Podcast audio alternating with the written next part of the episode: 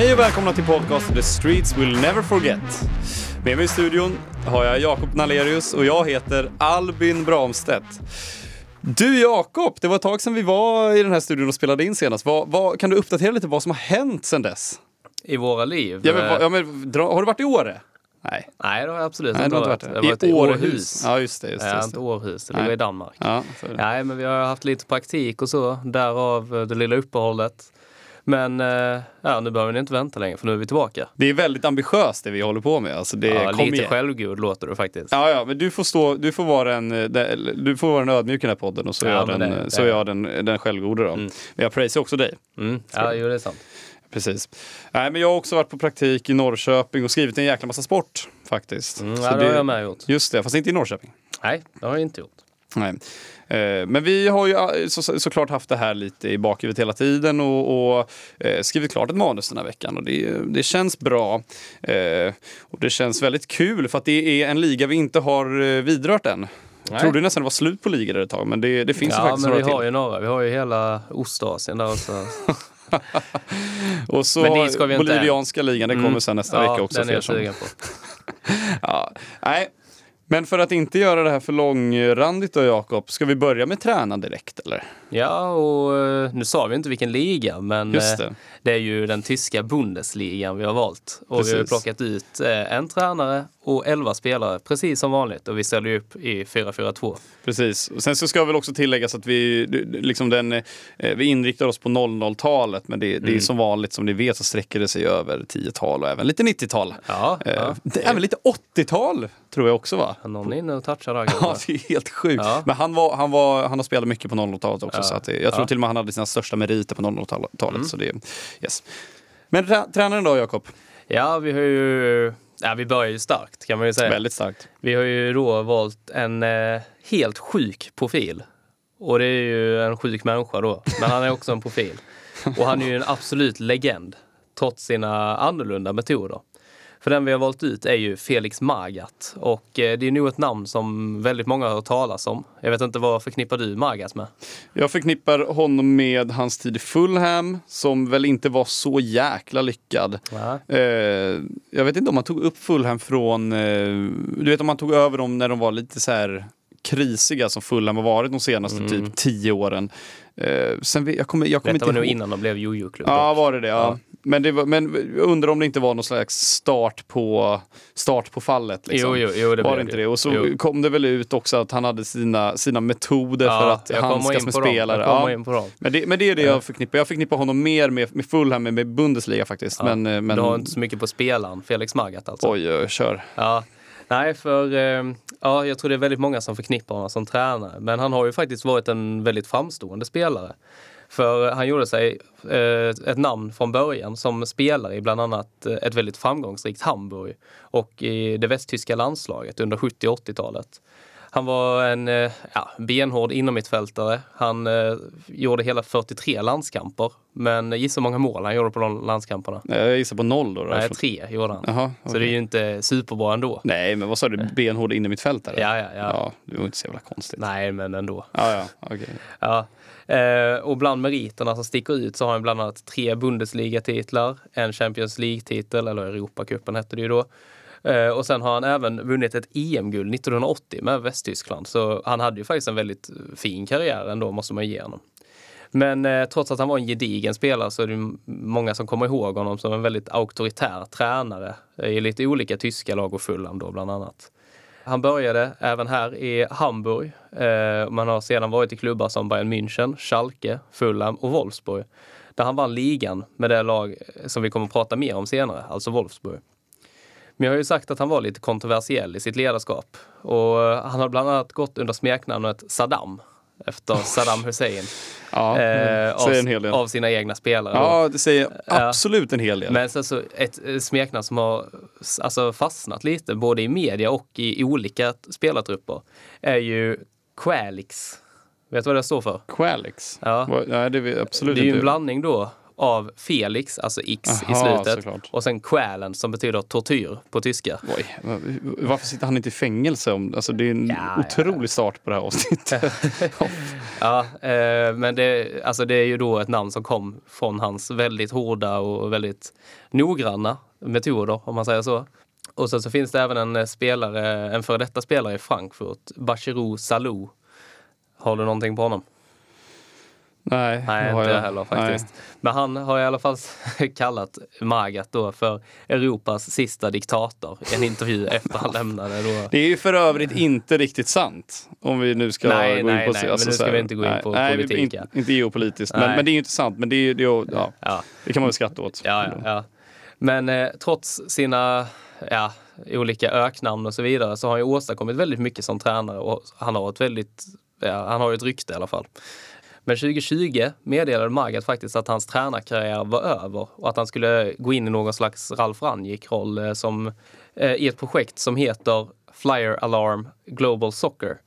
Eh, och det är ett projekt som är lite likt det här som Red Bull sysslar med, med Salzburg, Leipzig och så vidare. Fire Alarm, är det någon slags... Ja, det är ett företag. Det är ett företag, ja. Ja, eh, Ligger inte lika bra i munnen som Red Bull ändå? alltså? Nej, det gör det inte. Men att eh, Magath då skulle ha någon roll som någon slags ja, sportchef då. Eh, och att han skulle då se över värvningspolicy och så vidare. Eh, det här projektet, ja, det flyger inte riktigt på samma sätt dock. De har Nej. två olika lag som alltså är de stora, eller vad man ska säga. Och det är då Würzburger Kickers i tyska trean och Flyer Alarm Admira i österrikiska Bundesliga. De, de struntade i namnet på första då, eller? Ja, jo. Det blev ingen Fire Alarm Nej, men jag... eh, Und, undrar varför? Nej. det, nej, det rullar ju inte av tungan. Inte. Eh, men han kunde ju inte hålla sig och han slutade rätt så snabbt från detta, alltså i detta projektet. Och i nuläget så är han faktiskt tillbaka på tränarbänken i Hertha Berlin som hackar väldigt betänkligt i Bundesliga. De ligger 17 av eh, 18 lag då. Eh, och han har precis eh, skrivit på för Hertha för resten av säsongen. Och han eh, går in som lagets tredje tränare denna säsong. Det säger ju något om vilken nödlösning Magath faktiskt har gått och blivit. Eh, och det är ju verkligen ett rop efter hjälp Ja, för Hertha. Han ska skrämma liv i spelarna. Ja, exakt. Och de storsatsade ju för några år sedan. Ja, ja. och nu har de Hertha Magath. var ju bra för ett Ja, tag sedan. ju inte slutade de inte femma och så? Nej, jag, jag tror inte han har tränat, alltså varit huvudtränare för ett lag sedan 2016, Magath. Nej. Eh, och då har han ju bara haft det här Flyer Alarm Global Soccer-projektet. Och liksom Magath, han är, känns är ännu grinigare nu. Ja, alltså det, Ja. du vet, om, om, om han tränar ett lag som ligger näst sist i serien, oavsett om han inte har liksom, varit involverad i, i lagets förfall, så tror jag att en förlust kan få få honom, alltså Han känns på lite topplocket. Ja. Alltså fattar ni, Magats topplock flyger av. Ja, ja. Alltså, om han är helt galen vanligtvis, vad, vad, vad är det som kommer fram i så Han har ju fall? blivit kallad ett år. Då. Han är ändå, alltså Bayern, det är ju inte ett bottenlag. Nej. Wolfsburg vann ju ligan och så vidare. Katladraken flyger ut ur hjärnan. Ja, liksom. exakt. Nej, så det säger ju något om vad Magath har blivit. Men det är fortfarande en, alltså det är ju en riktig profil. Och det är ju verkligen, det var väldigt enkelt att plocka ut tränare i Bundesliga. För Magath är ju, man kommer ihåg honom och man vet vad han har gjort och så vidare. Så ja. Det, Alltså är han inte lite, det, det här låter sjukt kanske, men är han inte lite som Jack the Ripper typ? Att det, ja, men det är så här, det, det, han känns som en sån här jävla, eller han känns som en, eh, någon slags legend, alltså inte i det legend liksom, som du valde att benämna honom som förut. Han är inte en legend på ett positivt sätt, utan han är en, han är en myt eller, alltså, eh, man vill inte ha med honom att göra. man det är kul inte att ha, skratta ja, men man vet inte om han har levt, typ. man vet Nej. inte om han har funnits, har hans gärningar, är de på riktigt eller har, har hela världen hallucinerat fram det här? Ja men det känns lite som det. Och så liksom så här, det känns som att han stryker runt på gatorna i någon liksom förfallen, eh, inte vet jag, stad runt Ruhrområdet typ. Och så har Hertha bara hittat honom och dragit in honom i klubben typ. Ja, lite så jo. känns det som. Ja, lite. För och nu är han här liksom. Hur kom han hit? Hur, Ja. Om han inte har varit huvudtränare för ett lag sedan 2016. Det, det måste finnas alltså, bättre tränare men också mer sympatiska tränare. Det måste finnas tränare som... Liksom, Modernare Ja, tränare. men modernare tränare, precis. Som, som faktiskt lever i 2000, 2022 Nu tar och vi inte det är. Liksom. Tysklands eh, Sam Allardyce Ja, istället. Ja, ty, och som har kallats för diktator och Mm. Saddam Hussein. Liksom. Ja, det är Hertha, jag vet inte. Är, jag vet inte riktigt hur, hur liksom urvalsprocessen gick till där, men, men någonting gjorde de Det var ju nog fel. inte många alternativ. Nej, det, ja, herregud. Ja, men eh, då går vi vidare till vår första spelare i elvan. Precis, och eh, det är någonting vi inte har nämnt heller. Vi har faktiskt två gäster med oss idag. Det är ju en första gång i, i eh, The Streets Will Never Forget podcasts historia. Det, det tycker jag det är, det är värt att fira. Mm. Och den första då, då det, det, är ju faktiskt eh, Kevin Bader som ska vara med. Tyskland, vi har två Tysklands experter med oss, mm. eh, skulle jag väl eh, kunna benämna dem som. Och, och, och den första då och, och, som ska berätta om, om målvakten Oliver Kahn. Denna galning. Mm. Denna profil. Ja. ja. alltså ett lag med Oliver Kahn och Felix Magath, det är... Jag tänker när de går, ryker de ihop går i omklädningsrummet. Ja. Clash of the Titans. Ja, det är, någon, det är någon som avlider. Ja, det är det absolut. Och jag tror det är Kahn nästan. Nej, vet du vad? Jag tror att det är, det är inte någon av dem. Det är någon Nej, annan i omklädningsrummet som... gå emellan. ja, precis. Nej, men då, i alla fall då, då, då, tycker jag vi klipper in Kevin Bader här som ska, faktiskt ska berätta om Oliver Kahn, helt mm. enkelt. Med mig på telefon har jag Kevin Bader. Eh, tjena Kevin, är det bra med dig? Guten Tag, jo tack, det är bra. Och med dig? ja, det är bara bra med mig också faktiskt. Ja, men du är i alla fall här idag för att prata om Oliver Kahn, den gamle stormålvakten från, från Tyskland. Mm, exakt, titanen. Precis. Eh, vi börjar direkt så här då. Vad, vad är ditt starkaste Oliver Kahn-minne? Det är väl framför allt VM 2002. Eh, det var ju ett mästerskap som var utöver det vanliga ett Tyskland som klev in med kanske inte det starkaste laget. Men målvakten, just Oliver Kahn, som klev fram och visade framfötter. Och blev ju också turneringens målvakt. Och han är ju faktiskt den enda målvakten hittills som har fått en utmärkelse. Så där eh, skulle jag väl säga är det starkaste minnet egentligen. Eh, sen har jag självklart många andra minnen med honom men just just den turneringen, hur han spelade för Tyskland, hur han uppvisade sig själv på planen. Skrek, hoppade runt, visade känslor. Och sen tyvärr hade en sån usel final mot Brasilien. Tycker jag ändå att man ska komma ihåg det fina han eh, åstadkom i det mästerskapet. Ja, man kanske inte kan klandra honom för, för andra platsen där. Eh, Nej. Sen, jag har inte någon större koll så här på Tysklands trupp 02 så, men, men vad, vad, känner du då? Vad var det som saknades där? Om vi ska gå lite utanför Oliver Kahn. Eh, det var väl, vad ska man säga, en, bland annat Michael Ballack saknades tyckte jag. Eh, han var ju tyvärr avstängd så han missade den finalen. Han hade behövts verkligen. Men annars var det ju som att Tyskland inte riktigt var med från start. Brasilien var det bättre laget och Tyskland var ju egentligen väldigt turligt igenom hela det där mästerskapet. Förutom då Kahn som visade en otrolig nivå. Så eh, det var ju rättfärdigat att Brasilien skulle vinna men jag hade väl personligen hoppats på ett tyskt VM-guld där med. Har du några eh, liksom minnen från Oliver Kahn i, i, i, från Bundesliga, i ligaspelet med Bayern München? Ja, det har jag. En, en hel del faktiskt. Det finns ju klassiska scener med honom när han trycker ner motståndare eh, och även medspelare med både det ena och det andra. Men det är ju framförallt han med en keps mellan stolparna inte särskilt lång. Om jag inte helt misstar mig är han ju bara ja, 1,88. Det är ju det är en lång person i sig men som målvakt finns det ju så många mycket längre målvakter. Eh, och han kröp ju oftast ihop lite sådär och hade sin speciella hoppteknik när han eh, skulle rädda bollen från att gå ner i mål. Så eh, det är väl, väl King Khan i Bayern München skulle jag säga. Yes, och utöver att han var en jäkligt bra målvakt så har han ju faktiskt också ett, liksom ett efterhängset rykte kring sig att han var en galning. Något som kanske i och för sig hjälpte honom, för att man, man brukar väl säga det att målvakterna ska ju vara lite galna för att de ska kunna bli, liksom, bli riktigt bra. Eh, men tycker du att det här galningryktet, på, på vilket sätt stäm, stämde det in på honom eller hur ser du på det? Nej, jag håller fullständigt med. Han var ju ursinnig. Han var ju som hans smeknamn också gav honom, King Candia Titan. Han var en titan ute på planen och skrek, han dirigerade. Och likt många andra tyska målvakter, vi har ju Schumacher. Jag tror ingen eh, som har koll på tysk fotboll har, eller glömmer bort rättare sagt, när Schumacher hoppar ut med utsträckta ben och fäller motståndaren totalt. Sen har vi också Lehmann som var en dåre i sig så det finns ju någonting, precis som du är inne på där, i målvaktsskolan att man är lite crazy. Eh, och sen var ju Kan dock lite mer crazy än, än de andra skulle jag väl säga.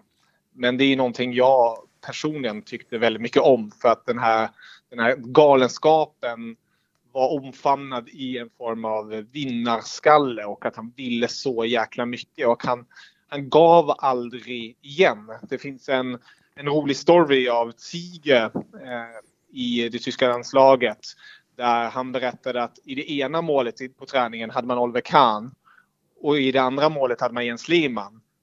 Och man ville inte göra mål någon, mot någon av dem för att då visste man att man skulle få stryk av båda två. Så det, det var alltid lite speciellt i tyska landslaget, speciellt under den tiden. Ja, man, man undrar hur målskyttet såg ut på de träningarna i så fall. Och, och sen om, ja, det, om det speglade sig många, i matcherna. Många räddningar och sen var väl ja, spelarna nöjda över att de inte blev eh, tillskrikna på Nej, så. Precis. Ja, men vad, måste ändå vara, vara sporrande att ha två, alltså tänk att ha två sådana målvakter i, i, mm. i landslaget samtidigt. Det är ju helt galet egentligen. Ja, men, men om vi säger så här, när var det första gången du fick upp ögonen för honom? Var det, var det i VM 2002 eller var det tidigare än så till och med? Det var tidigare skulle jag väl ändå säga. Det var väl eh, säsongen 98-99 där lite mera.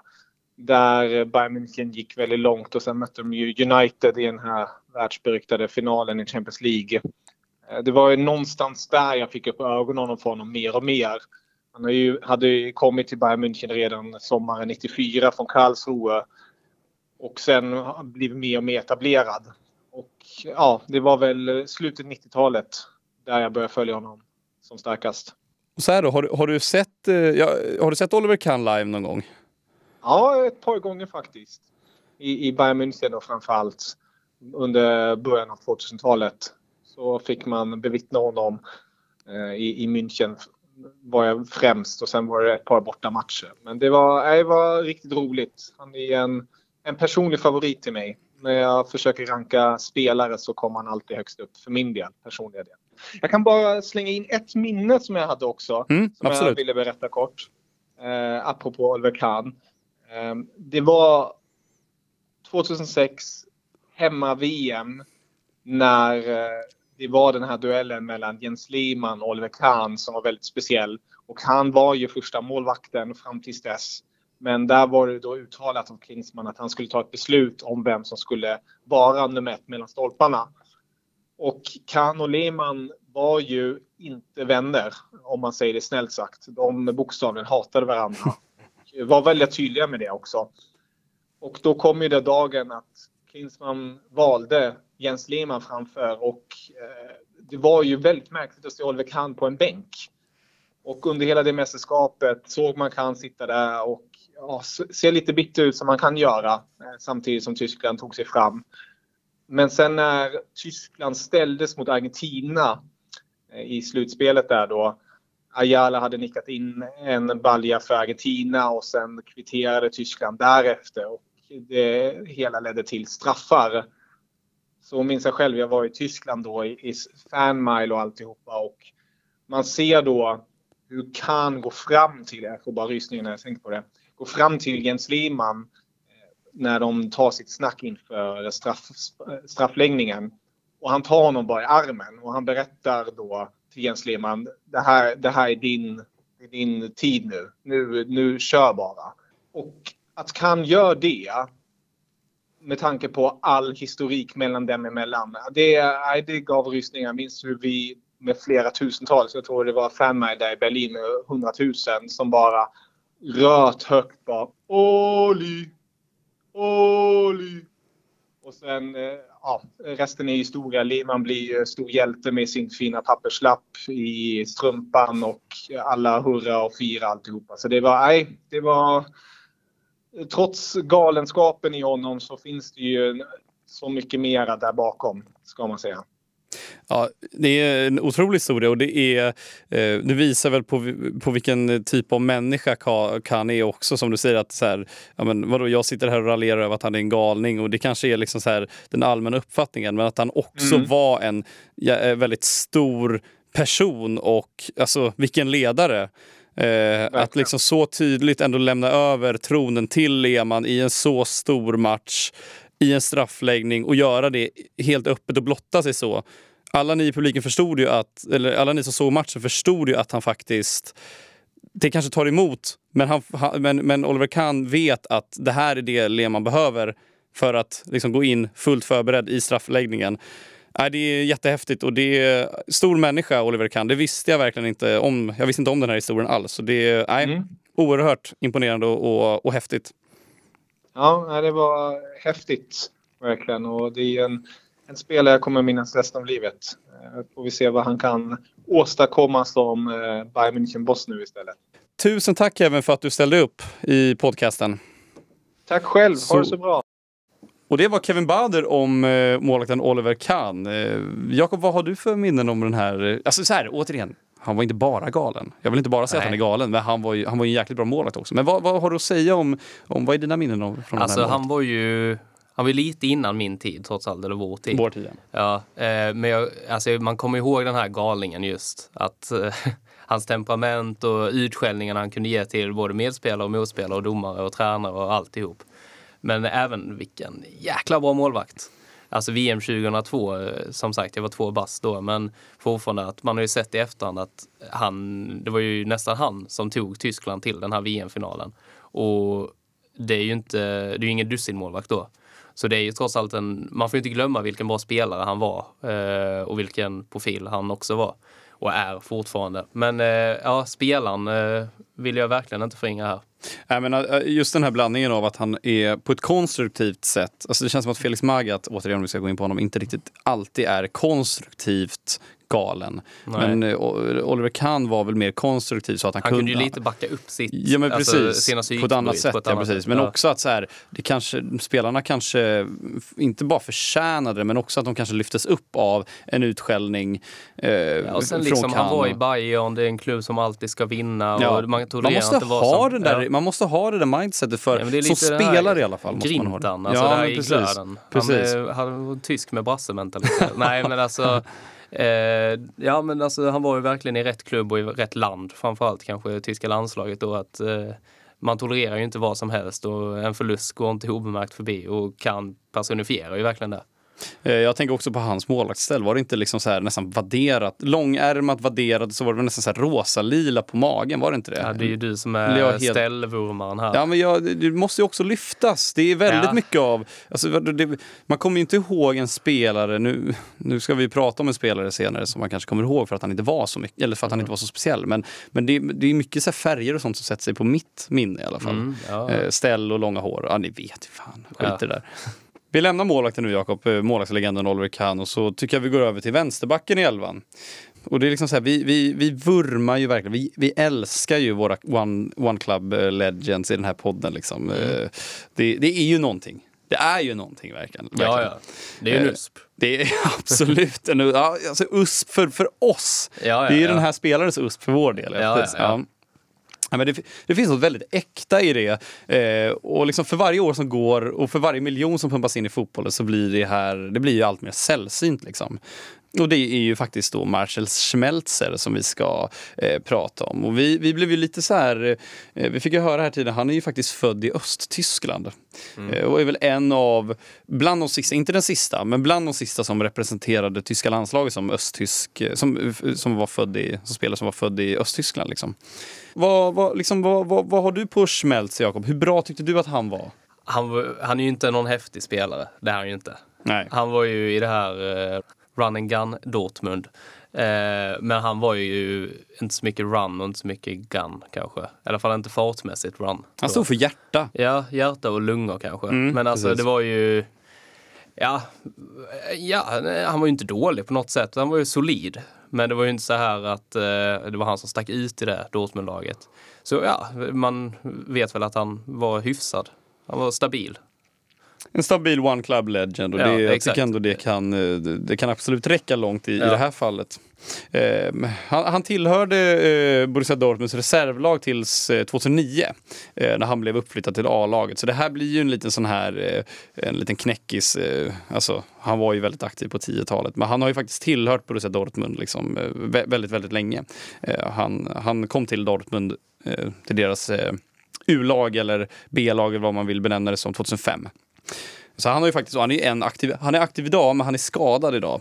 Eh, Så han har ju faktiskt varit i föreningen, i verksamheten i 17 år. Alltså, det är helt sjukt alltså. Och jag, jag tycker liksom att, trots att du säger att du inte tycker, alltså så här, jag, jag tror nog att alla håller med om att Schmelzer kanske inte är överhuvudtaget någon, någon, någon liksom så här spännande, häftig, cool, bra spelare. Bra det är var ju. det är ju ingen Marcello. Men, nej, det är inte en Marcello, nej precis. Men han får ändå personifiera Dortmunds liksom glansdagar nu på, på 10-tal, tidigt 10-tal, slutet på eh, 00-talet. Eh, för Dor- Dortmund hade en framgångsrik start på millenniet eh, och kom eh, trea säsongen 00-01 eh, och vann sedan ligan 0- 01-02. Eh, men sedan följde några år där klubben kom sexa, sjua, nia och hamnade liksom till och med så långt ner som en trettonde plats säsongen 07-08. Och det var ju efter detta som Schmelzer blev uppflyttad till A-laget. Och redan under sin tredje och fjärde säsong i Ruhrklubben vann han Bundesliga Meisterschale och spelade mer eller mindre varje match. Eh, men efter de här två troféfyllda åren har det sedan ekat tomt i Schmelzers eh, troféskåp. Han har vunnit den tyska kuppen och supercupen tre gånger vardera. Men jag, jag fattar liksom inte hur Dortmund som klubb inte har kunnat elevera mer. Alltså hur kan de ha... Det är klart, det är klart de är alltid uppe och, och slåss om titlar. Men det känns som att de har alltid ett bra lag. Ett jätte, jätte, jättebra lag. Men de får liksom inte ihop det. Och det är ju klart som... Jag fattar, jag förstår att Bayern är... Eh, alltså, det är ju, de, de är ju inte ens, det är inte ens Tysklands Juventus. De är ju större än Juventus, eller mer, mer överlägsna Juventus i Tyskland vad Juventus är i, i Italien. Mm. Men jag tycker ändå att Dortmund borde ha utmanat lite mer. Det känns också som att Dortmund har utmanat mycket de senaste tio åren. Alltså de har ju Mm. såklart gjort det. Men det är, det är många gånger de har chokat och liksom mot slut, eller att de börjar säsongen de jättedåligt. Nej, det har ju inte det. år i Trots sett. att det känns som att de har varit med alltid och de har Ja. bra lag. Alltså vad är det Ja, som händer typ i som år? i liksom? år, alltså de, hade de vunnit lag med att de, alltså hade de vunnit med lagen i botten, då hade de ju varit med. För Bayern har ju tappat eh, alltså mer poäng än vanligt. Vad ligger de efter nu? Max nio poäng typ? Ja men det är typ nio poäng, Ja. men det tar de ju aldrig igen på Nej, Bayern. det, det är klart de inte gör det. Och, men det är som du säger också, att de förlorar, de förlorar mot alldeles för dåliga lag i... Ja men de kan ju åka till Freiburg och ska bara städa av matchen med sitt bästa lag. Ja. För de har inga andra matcher, för de Nej. spelar inte i Europa. Nej. Och så förlorar de. Det är ju lite det som är grejen. Att jag tror de har bra spelare, eller de är spännande spelare. Typ såhär Bellingham nu och då, Haaland och så vidare. Men de är kanske inte riktigt färdiga för att Nej. slå Bayern. Och det är väl lite där som man kanske blir lurad för att det är spännande spelare som kommer gå för över en miljard. Men de, alltså, de är inte färdiga än. Det är det jag tänkte komma in på här också. För det, det, det, jag, jag förstår att det är mycket Bayerns fel också om man säger så. Att, Mm. Bayern köper ju liksom konstant upp Dortmund och köper Mm. deras bästa spelare.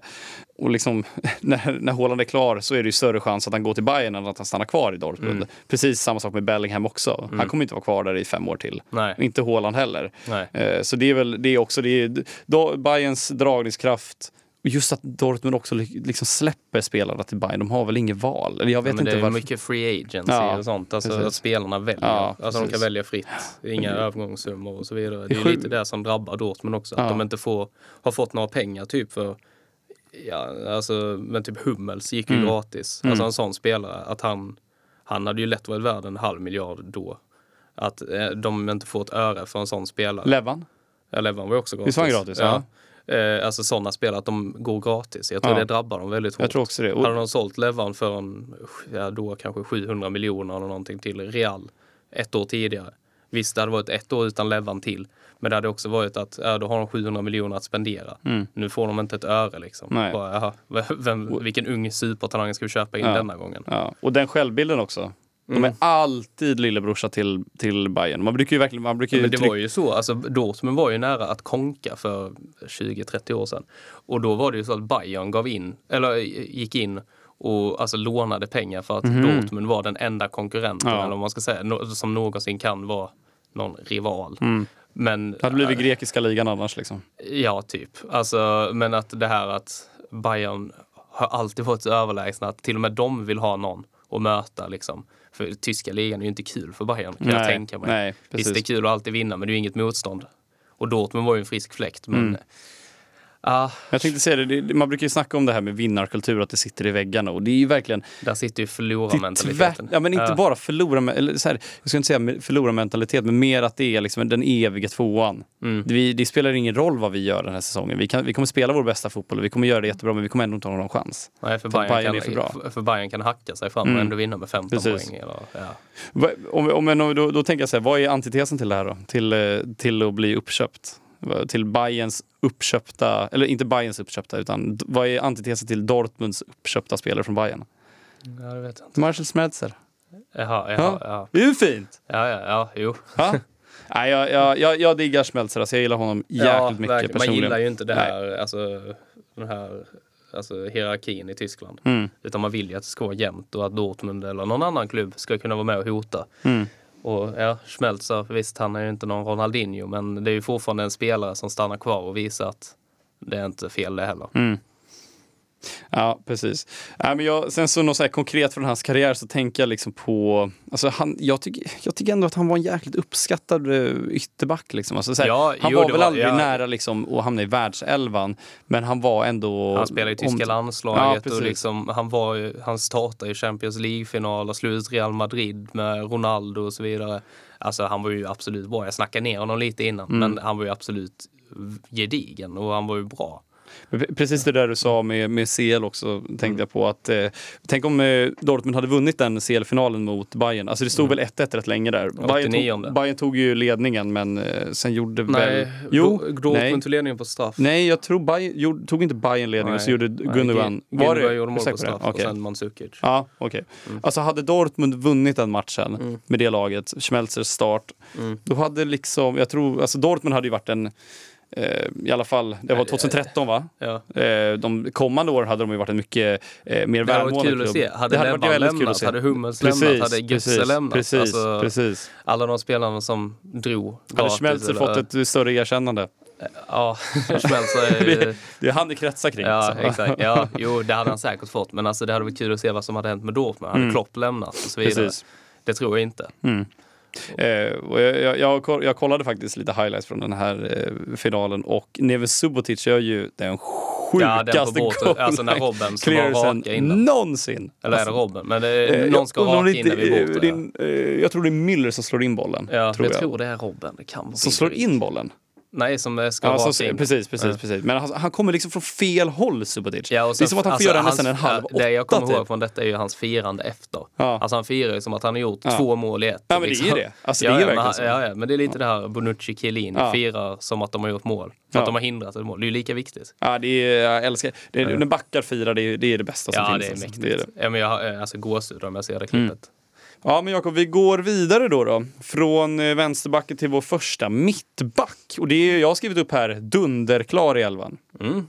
Ja, men det, det var han. Han var ju nog eh, bland de första namnen vi skrev upp. Va? Eh, och det är ju en riktig klasslirare, den här brassen Lucio. Oj, oj, oj. Eh, och ja, jag har skrivit här, kanske den mest dekorerade spelaren i elvan. Kan vara. Dekorerad på...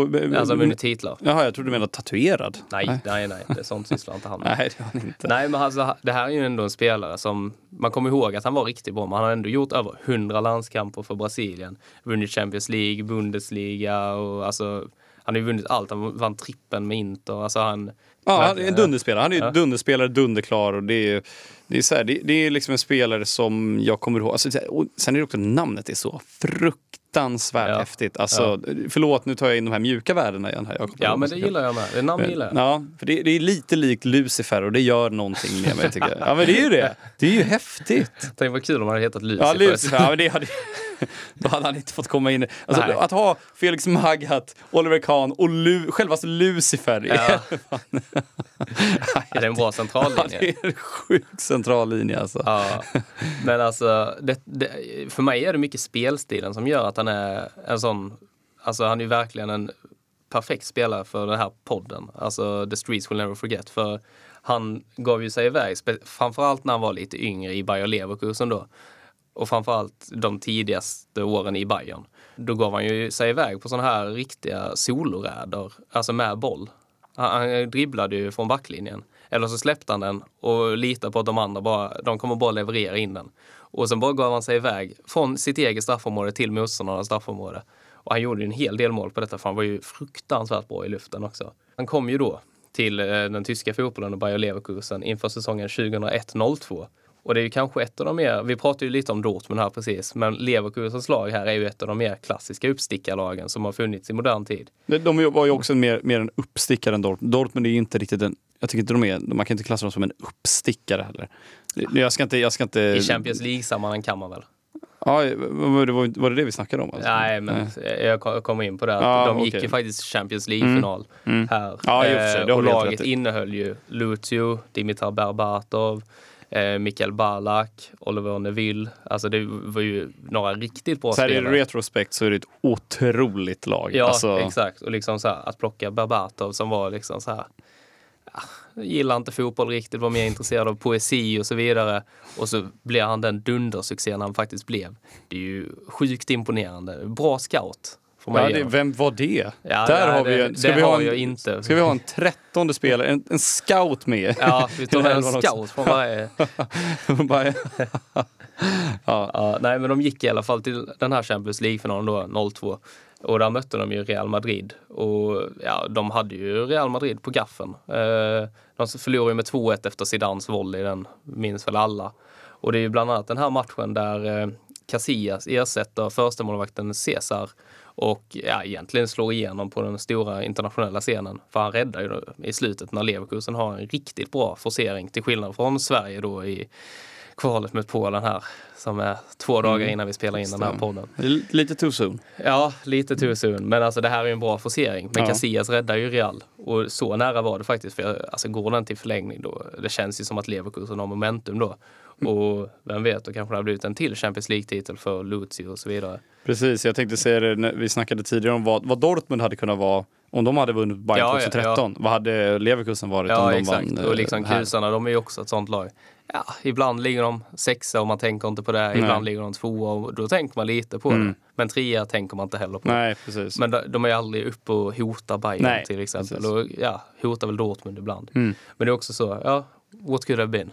Men ja, Lucius fina spel lockade ju till sig eh, intresse från flera olika klubbar på kontinenten. Och efter eh, den här CL-runnen de hade med Leverkusen så hade faktiskt Roma ett bud som blev nekat. Och det var ju Roma med Totti och så vidare. Och Roma var ju bra här. Och tänk ändå undrar vad det hade betytt för Roma. Alltså nu är det mycket sånt här, tänk om. Men fortfarande, jag, jag tänkte på det när jag läste om det här budet att tänk så, de var ju inte långt ifrån att hota liksom Juventus och hota i Champions League mer än vad de gjorde. Tänk en sån här topp mittback som Lucio, alltså vad en sån hade kunnat göra för ett sånt lag. Istället blir han kvar i Leverkusen ett år till innan han eh, anslöt till Bayern inför säsongen 2004-05. En flytt som inte var helt ologisk med tanke på vad vi har varit inne på här, den tyska hierarkin. Eh, och han skrev på ett sexårskontrakt. det, är- det, är- det är alltså, vågat. Ja, det är vågat, men alltså När sa du att det här var? Det var 04-05. 0405 ja. Ja. Och han stannade inte hela ut va? Nej, Han det- var väl med i Inter som vann Ja, ja, CL, vad var det, 10? Ja, till. 10. Mm. Ja, men det är ju absolut inte vanligt att man ser sådana här långa kontrakt och framförallt inte förr i tiden. Nu ser man det ju ändå ibland så här eh, Inaki Williams med Bilbao som skriver... Var det ovanligare förut då? Ja, jag, jag, jag, absolut känns- ingen aning. Jag vet inte heller men det känns som att det borde varit vanligare förut än vad det är idag. Känns det där? Ja men just för att, ja, men det här vi snackar om hela tiden med One, One Club Legends och det här. Ja, Att det, det, det, jag vet inte, de kanske bara ser på ett plus ett och så förlängde de varje år. ja liksom. det så kan det, är absolut så, ha varit. Det är så mer min bild Du tänker att det är så? Ja. Ja. men då, i och för sig. Men alltså så här, Idag detta- kanske man skriver på längre för att binda spelare för att man vet att man får ut mer exakt. cash av dem. Och liksom också, så här, såklart. detta var inte så långt ifrån Bosman och så vidare. Nej. Det har ändå gått 15 år till. Mm. Men det är trots allt anmärkningsvärt långt kontrakt. Ja, verkligen. Eh, ja, men eh, ja, Jag Bayern- und, undrar vad, vad det längsta kontraktet som någonsin har skrivits med en fotbollsspelare är.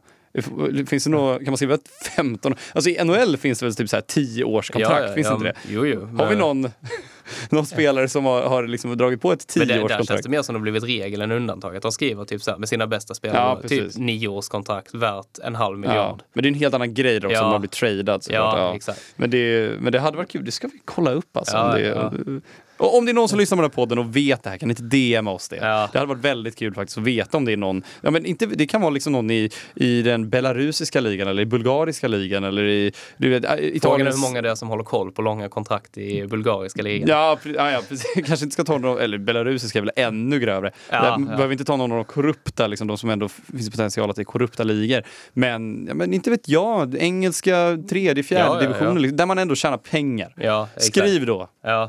Som du var inne på, eh, efter detta, alltså spelet i Bayern där, Bayern var ju inte vad de är idag. Vi pratar ju om hur dominanta Bayern är.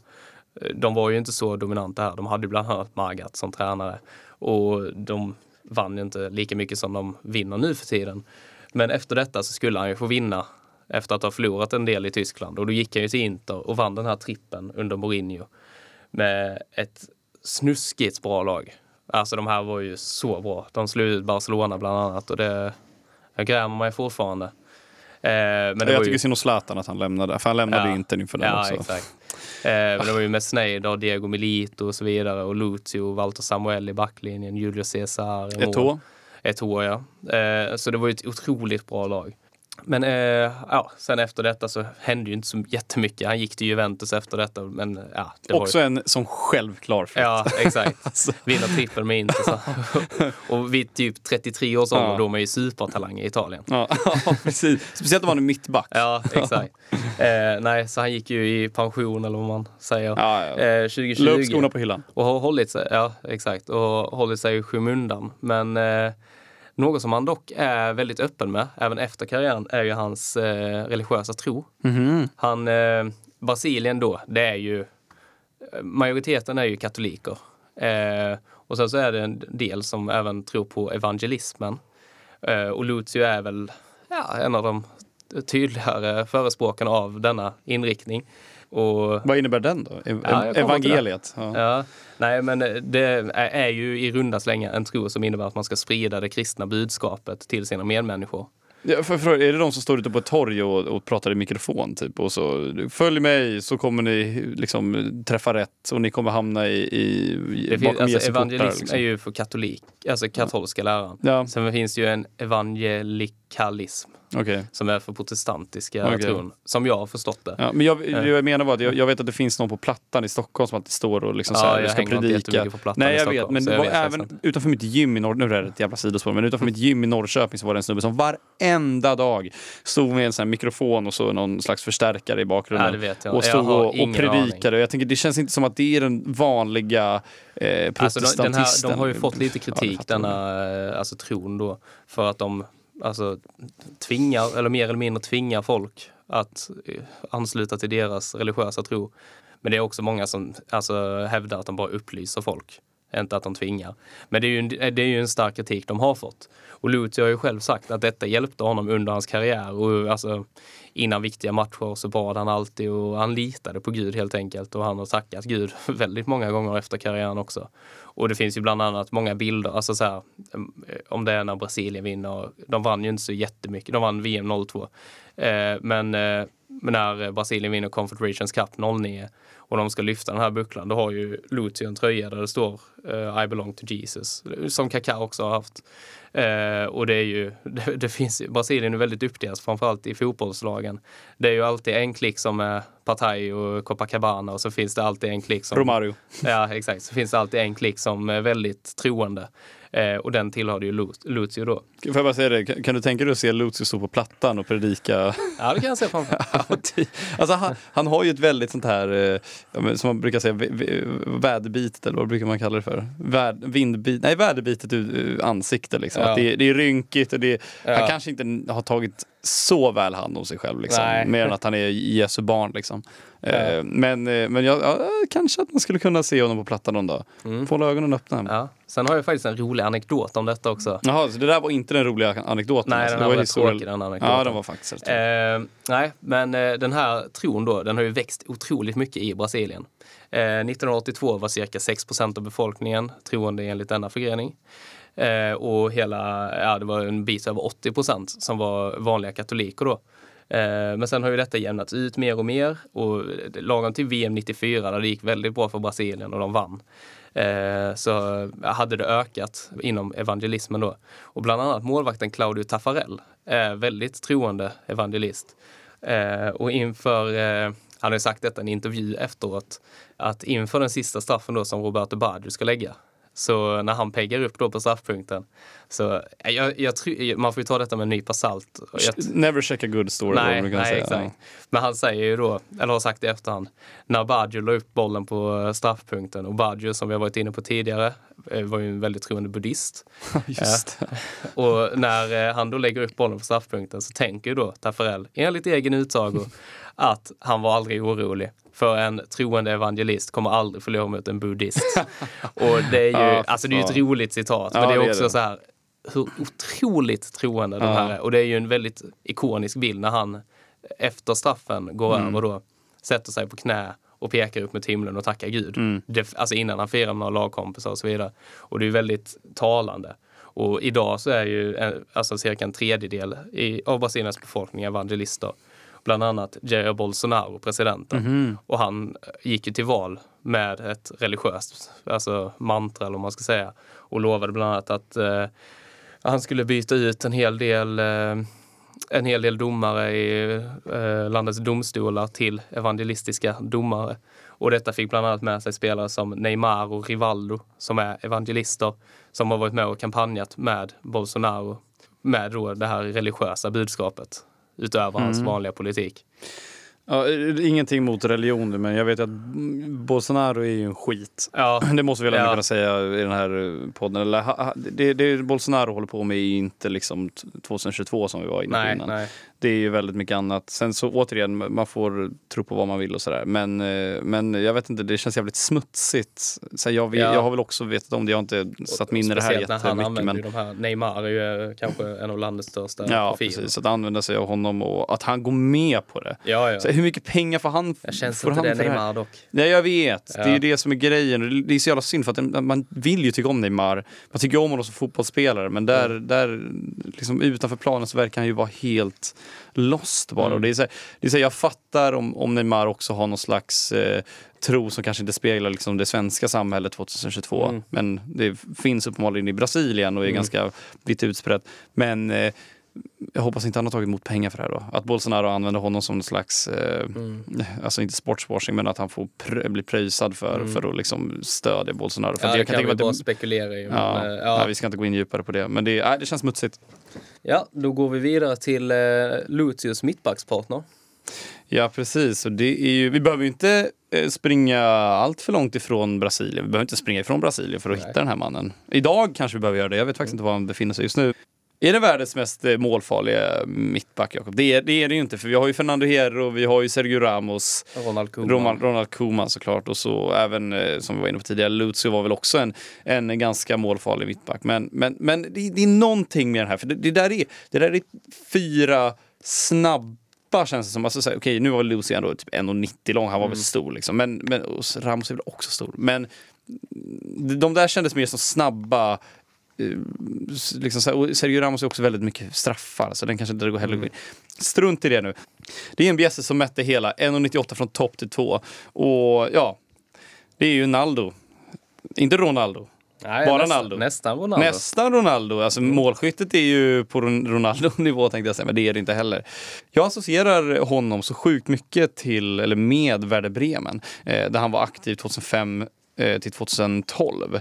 Och idag så känner vi ju, vi känner ju Werder Bremen mer som ett ganska sorgligt lag idag som, eh, som ligger delad etta i Bundesliga 2. De åkte väl ut förra säsongen, va? gjorde de inte det? Så Naldo, han lyckades ju verkligen fly skeppet, eller fly det sjunk, sjunkande, sjunkande skeppet. Och det var så här, för, för, bara något år innan Naldo kom till Werder så, så vann de faktiskt ligan eh, med ett eh, oerhört ihågkommet lag. Eh, men sedan dess har Bundesligas eh, tabelltopp förändrats en hel del.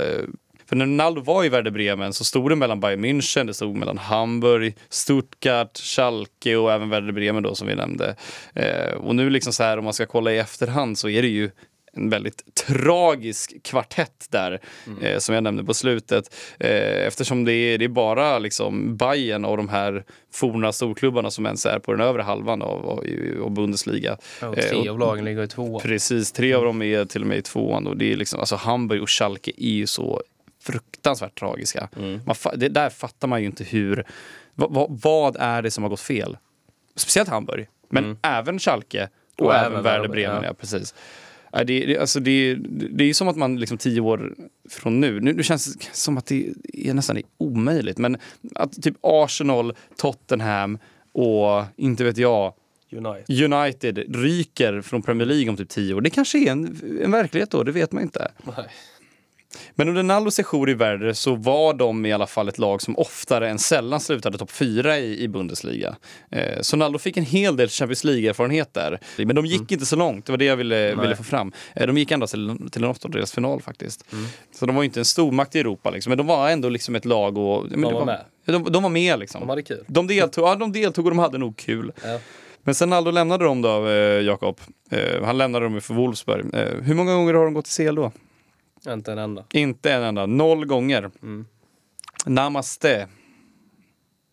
Nej, det är inte noll gånger. Nej. Skit. Så. oh my god. Noll gånger gick, har de gått till eh, CL sen Naldo slutade. Alltså är det ett pattern? Jag vet inte. Jag tror ju inte det, för att de var ju ändå bra innan Naldo kom också. Men ja, han lämnade och sen dess så har de ju sjunkit. Det finns som sagt säkert flera olika anledningar till att Werder Bremens förfall eh, som fotbollsklubb har blivit en realitet. Eh, mer än att bara Naldo lämnade. Eh, men jag tycker ändå att det är anmärkningsvärt att det gick så pass mycket sämre utan honom. Alltså, så här, han var ju ändå en stabil back. Eh, jag vet inte exakt varför de släppte honom, men jag antar att de Alltså, Wolfsburg, var ju ändå, Wolfsburg har ju på 10-talet ändå varit en, alltså en klubb på uppgång. Alltså med, Bremen hade väl, alltså det nedrustades väl en Mm, del. Alltså överlag. Och så var väl Naldo en sån spelare som, man kunde få lite som ryker typ. om ja. man nedrustar. Ja, liksom. precis. Antagligen rätt bra lön också. Ja, och är alldeles för bra för laget sen också blir ja, det. Liksom. definitivt.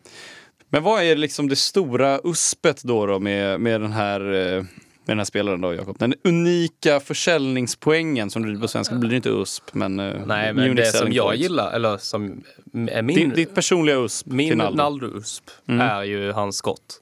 Ja. Vilka jävla hästsparkar! Alltså, han, han verkligen. sköt så hårt. Ja, det gjorde han. Ja. Alltså, jag, jag skrev upp att han var en jäkla målskytt. Ja. Han är ju en jäkla målskytt alltså. Ja, men alltså han sparkade Ja. så hårt. Ja, för det, och det är det också. Alltså, vi, vi tog upp det här med Sergio Ramos innan som är straffspecialist. Jag fattar. att- Vadå, du och jag hade ju kunnat gå in och, och göra Ja, 25 lätt. mål på straffar över tre. Men det hade vi kunnat göra. Byt in mig i vilken match som helst. Ja, men jag så hade- många straffar Real får. Så. Ja. Nej, det ska inte Nej, vara passivt aggressiv. Nej, det var riktigt bitter. Du sitter med armarna i kors och ser bara sur ut. Nej, men, eh, men det- så här, det, är inte, det är ju, det är klart, att Sergio Ramos hade ju, liksom så här, kan göra mycket mål på straffar. Men han Mm. hade ju inte gjort hälften så många mål antagligen om man, om man inte hade tagit straffarna. Eh, och sen är han ju så här, man kan ju också tänka, ja, han är 1,98 lång den här Naldo. Mm. Är det en Virgil van Dijk typ kanske då, då som stångar in bollarna och hoppar upp, han liksom hoppar sån här, sån här plinthopp över de Mm. andra spelarna. Nej, det är inte det heller. Naldo har ett jäkla skott. Ja. En hästaslänga som vi, som vi hade kunnat kalla det. Om jag hade kommit från Åhus så hade jag, då hade jag nog kallat det för hästaslänga. Skulle jag säga. Hästaslängen. Det har jag aldrig Hästaslänga. hört faktiskt. Nej, Nej, nej, men jag är ju inte från Åhus heller Nej, så det är nej, inte så nej, konstigt. Han var ju liksom så här, Han var ju inte dålig på huvudet. Kan Nej, nej, nej, nej, nej, men, men, men så här, jag kommer till det också. Eh, alltså, så- och han var ju som vi vet en bjässe och en utmärkt försvarare. Eh, han hade liksom speed och var följsam. Alltså, det var ju en rätt snabb spelare också. Liksom. Älgakliv. Eh. en försvarare med, med hästaslänga och älgakliv. Ja, ja, men han, han var ju ett djur. Han var ju ett väsen. Är, det, är det liksom en, en nivå över Granqvist det här? Ja, ja, det är det. är det, det, är det? Ja. Om Granqvist hade varit lite bättre, då hade han blivit Naldo. Ja, ja. Ja. Eller Ramos kanske. Han tog mycket straffar. Nej, fast han har inte, Ramos har inte älgakliv. Det har Granqvist. Nej, Granqvist är en älg. Alltså. Ja, exakt.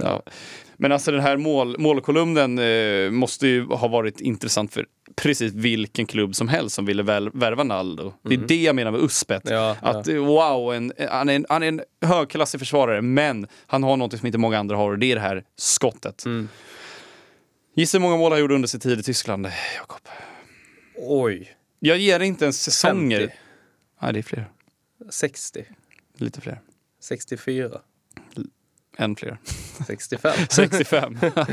Galet. Hur många av de här kom i Bundesliga då? Alltså det är väl... ja, men, Ja men kom igen nu. Ja, Det är inte hälften, det är fler än hälften. ja, jo, det kan jag tänka mig. Mm. Eh, Du får en gissning och sen säger jag svaret. 52. Nej, 46. Han var, han var alltså i Tyskland i, i 14 år mellan 05 och 2019 och lyckades med liksom konststycket att göra 46 mål i Bundesliga. Alltså det är liksom så här, det är absolut inte bra för en forward. Men det är typ bra för att vara, säg, Det är ju bättre Lambert, än typ. Magat i landslaget. Ja, det, ja, det är det, ja, det, är det absolut. Sen var han en benknäckare på ett annat sätt såklart. men- Ja, jo. Ja, men, men, alltså, så här, men det finns garanterat forward. Alltså, så här, vad heter han då? Eh, oh my god. Ta vilken random... Johan Elmander. Johan Elmander. Han hade Eller- varit nöjd med de Han hade varit nöjd, med, men Ja. han hade varit bra. Han, för han har ju också annan kvali eller andra kvaliteter. Viktor Anichebe, också en sån. Ja. Det är liksom så här, det, han är inte på planen för att göra mål. Nej. Men hade han gjort 46 mål på 14 säsonger så hade det varit helt okej. Ja, ja. Ja, jag har i alla fall räknat ut det här då. Han har alltså snittat drygt tre mål per säsong. Som mittback i 14 år. Det är bra. Det är riktigt bra alltså. Eh, och han är faktiskt, eh, han gjorde till och med ett hattrick mot, eh, mot Eintracht Frankfurt 2006. Eh, när, när Bremen då vann matchen med, de vann matchen med 6-2. Eh, och det här är ju bara, det är också helt sjukt. Det var liksom hans andra säsong i, i Tyskland. Och så gör han ett hattrick som mittback. Eh, vet du vem den andra försvararen att göra hattrick i Bundesligas historia är? Det här var innan dock. Innan Naldo. Ja. Oj. Nej. nej. Nej. Bernard Dietz. Ja. Eh, Han gjorde fyra mål mot Bayern München när han spelade för Duisburg säsongen 77-78. Ja, okej. Det var lite synd att du inte tog den. Ja, det skulle jag tagit. Ja, men, men som vi var inne på innan, då, alltså det häftiga med Naldo är att det, alltså, så här, det var inte bara straffmål eller nickmål, utan majoriteten av hans mål var ju liksom långskott och frisparkar också. Jag förstår inte hur man kan koordinera kroppen så med, med så långa ben. Nej. Det känns, det känns som att jag är för lång för att ta frisparkar. Sen är det att jag, jag, jag är ganska talanglös också, så det har väl mer med det att göra kanske. Ja, nej, men det är oerhört ovanligt spektakulärt för en mittback som är liksom 1,98 uppenbarligen. Eh, ett riktigt USP. Och jag, jag sa det innan eh, till dig Jakob, jag ska börja kalla honom för Uspinaldo. Mm, mm. Inte Ronaldo. Nej, Uspinaldo. Uspinaldo. Mm. Det rullar inte heller av tungan. Nej, det, nej, det gör det inte. Det stannar upp där. Ja. Det stannar upp rätt tidigt. Vi går från en, eh, en ihågkommen, ganska nu, nytida ihågkommen mittback till en spelare som ja, men så här, riskerar att vara lite bortglömd kanske. Va, vad säger du om det Jakob? Ja, jo. Är han lite bortglömd? Ja, jag sa att Lucio var den mest dekorerade, men den här spelaren är nog där faktiskt. Han är nog mer dekorerad än vad Lucio är som Ja, du säger, men han är han ju också mer vara. bortglömd. Han är, alltså, han, så här, som spelare var han ju, ja, men han är ju absolut mer meriterad skulle jag fall säga. Eh, men det är ju inte vi som ska prata om det här. Vi nämnde ju det tidigare att vi, vi, vi, vi har ju faktiskt en till gäst Ja, i podden. Vi står absolut på den största av trummor idag. Eh, Så först hade vi Bader och nu kör vi faktiskt Adam Nilsson som ska berätta lite mer om sin, ja men vad ska man, kan man kalla det för, någon slags antikärlek? Alltså det är nej men det är ju en kärlek han känner för Filip Lam. Nej men, eh, nej, men vi ska lyssna i alla fall på Adam Nilsson som ska prata om Filip Lam, högerbacken. Nu klipper vi över till eh, Adam Nilsson. Ja, men då har vi med oss Adam Nilsson här på telefon. Då. Och Adam, vi, du ska ju prata lite om Filip Lam idag.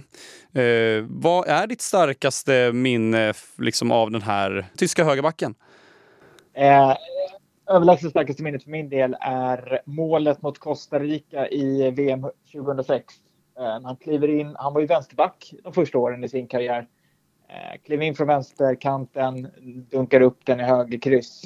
Eh, det är väl den absolut absoluta tydliga bilden jag har av eh, Filip Lam i mitt huvud. Det är det första jag kommer att tänka på när jag tänker på hans namn. Han lyckades ju med det här konststycket att inte dra, inte dra på sig ett enda rött kort under hela sin karriär. Eh, hur känner du kring det här? Liksom? Det borde ju finnas något pris för det. Det är, ju- det är ju helt, helt otroligt eh, för en försvarare på den nivån. Som ändå, det är inte så att det var en närkampssjuk spelare. För det är, tvärtom, han var ju jävligt bra i närkamper. Men att inte dra på sig ett rött kort i en enda situation eller en andra varning i en enda situation under vadå, 16 års karriär. Det, det måste bli liksom det, det sker inte. Alltså man snackar ju till sig ett eh, rött till slut. Men och det, jag tycker det säger otroligt mycket om hans person och den fotbollsspelare han var. Just att han, han var en korrekt fotbollsspelare. Man pratar ju det här liksom att kunna gå in i närkamper. Du kan vara ful. Eh, du kan vara elak. Alltså han var ju inte liksom den vackraste fotbollsspelaren. Han, han var ju inte elak. Utan han var ju ordentlig och korrekt. Eh, och det, jag tycker att det är jävligt häftigt. Det är en sån där grej som man önskar att eh, det kunde finnas flera som gjorde samma sak. Att, alltså att man inte drog på sig rött och liknande. Eh, det är, jag tycker det är jävligt härligt. Det är, det är liksom det som gör en glad när man tänker tillbaka på honom. Att eh, det var en så... Eh, ja, att han lyckades med det. För det är ju det är nästan en större bedrift än ja, alltså att vinna skytteligan fyra år i rad. Liksom. Att gå en karriär så länge utan ett kort, det, det är osannolikt. Alltså jag, jag, när, du, när du säger det så kommer jag att tänka på det. Det borde vara fler som har eh, Philip Lahm som någon slags roll, eh, rollfigur, eller eh, alltså role model. Men det känns som att det inte är så många i vår ålder som har honom som liksom någon slags favoritspelare. Och det är jäkligt synd egentligen för att skulle man följa Philip Lams karriär det är klart att alla kommer inte kunna bli lika bra som Filip Lam på fotboll. Men att ändå som du säger ha den här korrektheten och vara den här eh, spelaren som men han kan ju aldrig ha tappat huvudet, vilket är helt sjukt. För han har ju spelat liksom, i de största matcherna, i det största laget, både internationellt och i klubblag. Att aldrig tappa huvudet. Han kan ju aldrig ha hamnat efter en spelare. Sen kommer jag inte ihåg, jag vet inte hur snabb Lam var heller. Alltså vet, vet du, var han liksom en, var han en speedspelare så? Eller för han var inte så stor liksom. Nej, men han, nej. 1,70 lång och 62 kilo eller vad han vägde. Så att, nej, alltså han var inte så ofantligt snabb. Han var inte långsam. Det, det, det, det är det här som är så fascinerande som du säger. Men ingen, ingen växer ju upp och vill bli Philip Lahm på det sättet. Ingen växer upp och vill bli den typen av spelare. Så har det ju aldrig varit. Idag så vill man vara Robert Lewandowski, Cristiano Ronaldo, Messi liksom har vi varit. Förr så ville man vara Ja, jag vill ju vara Dennis Bergkamp, men det var väl liksom gamla Ronaldo, dessförinnan Stoichkov, Hadji.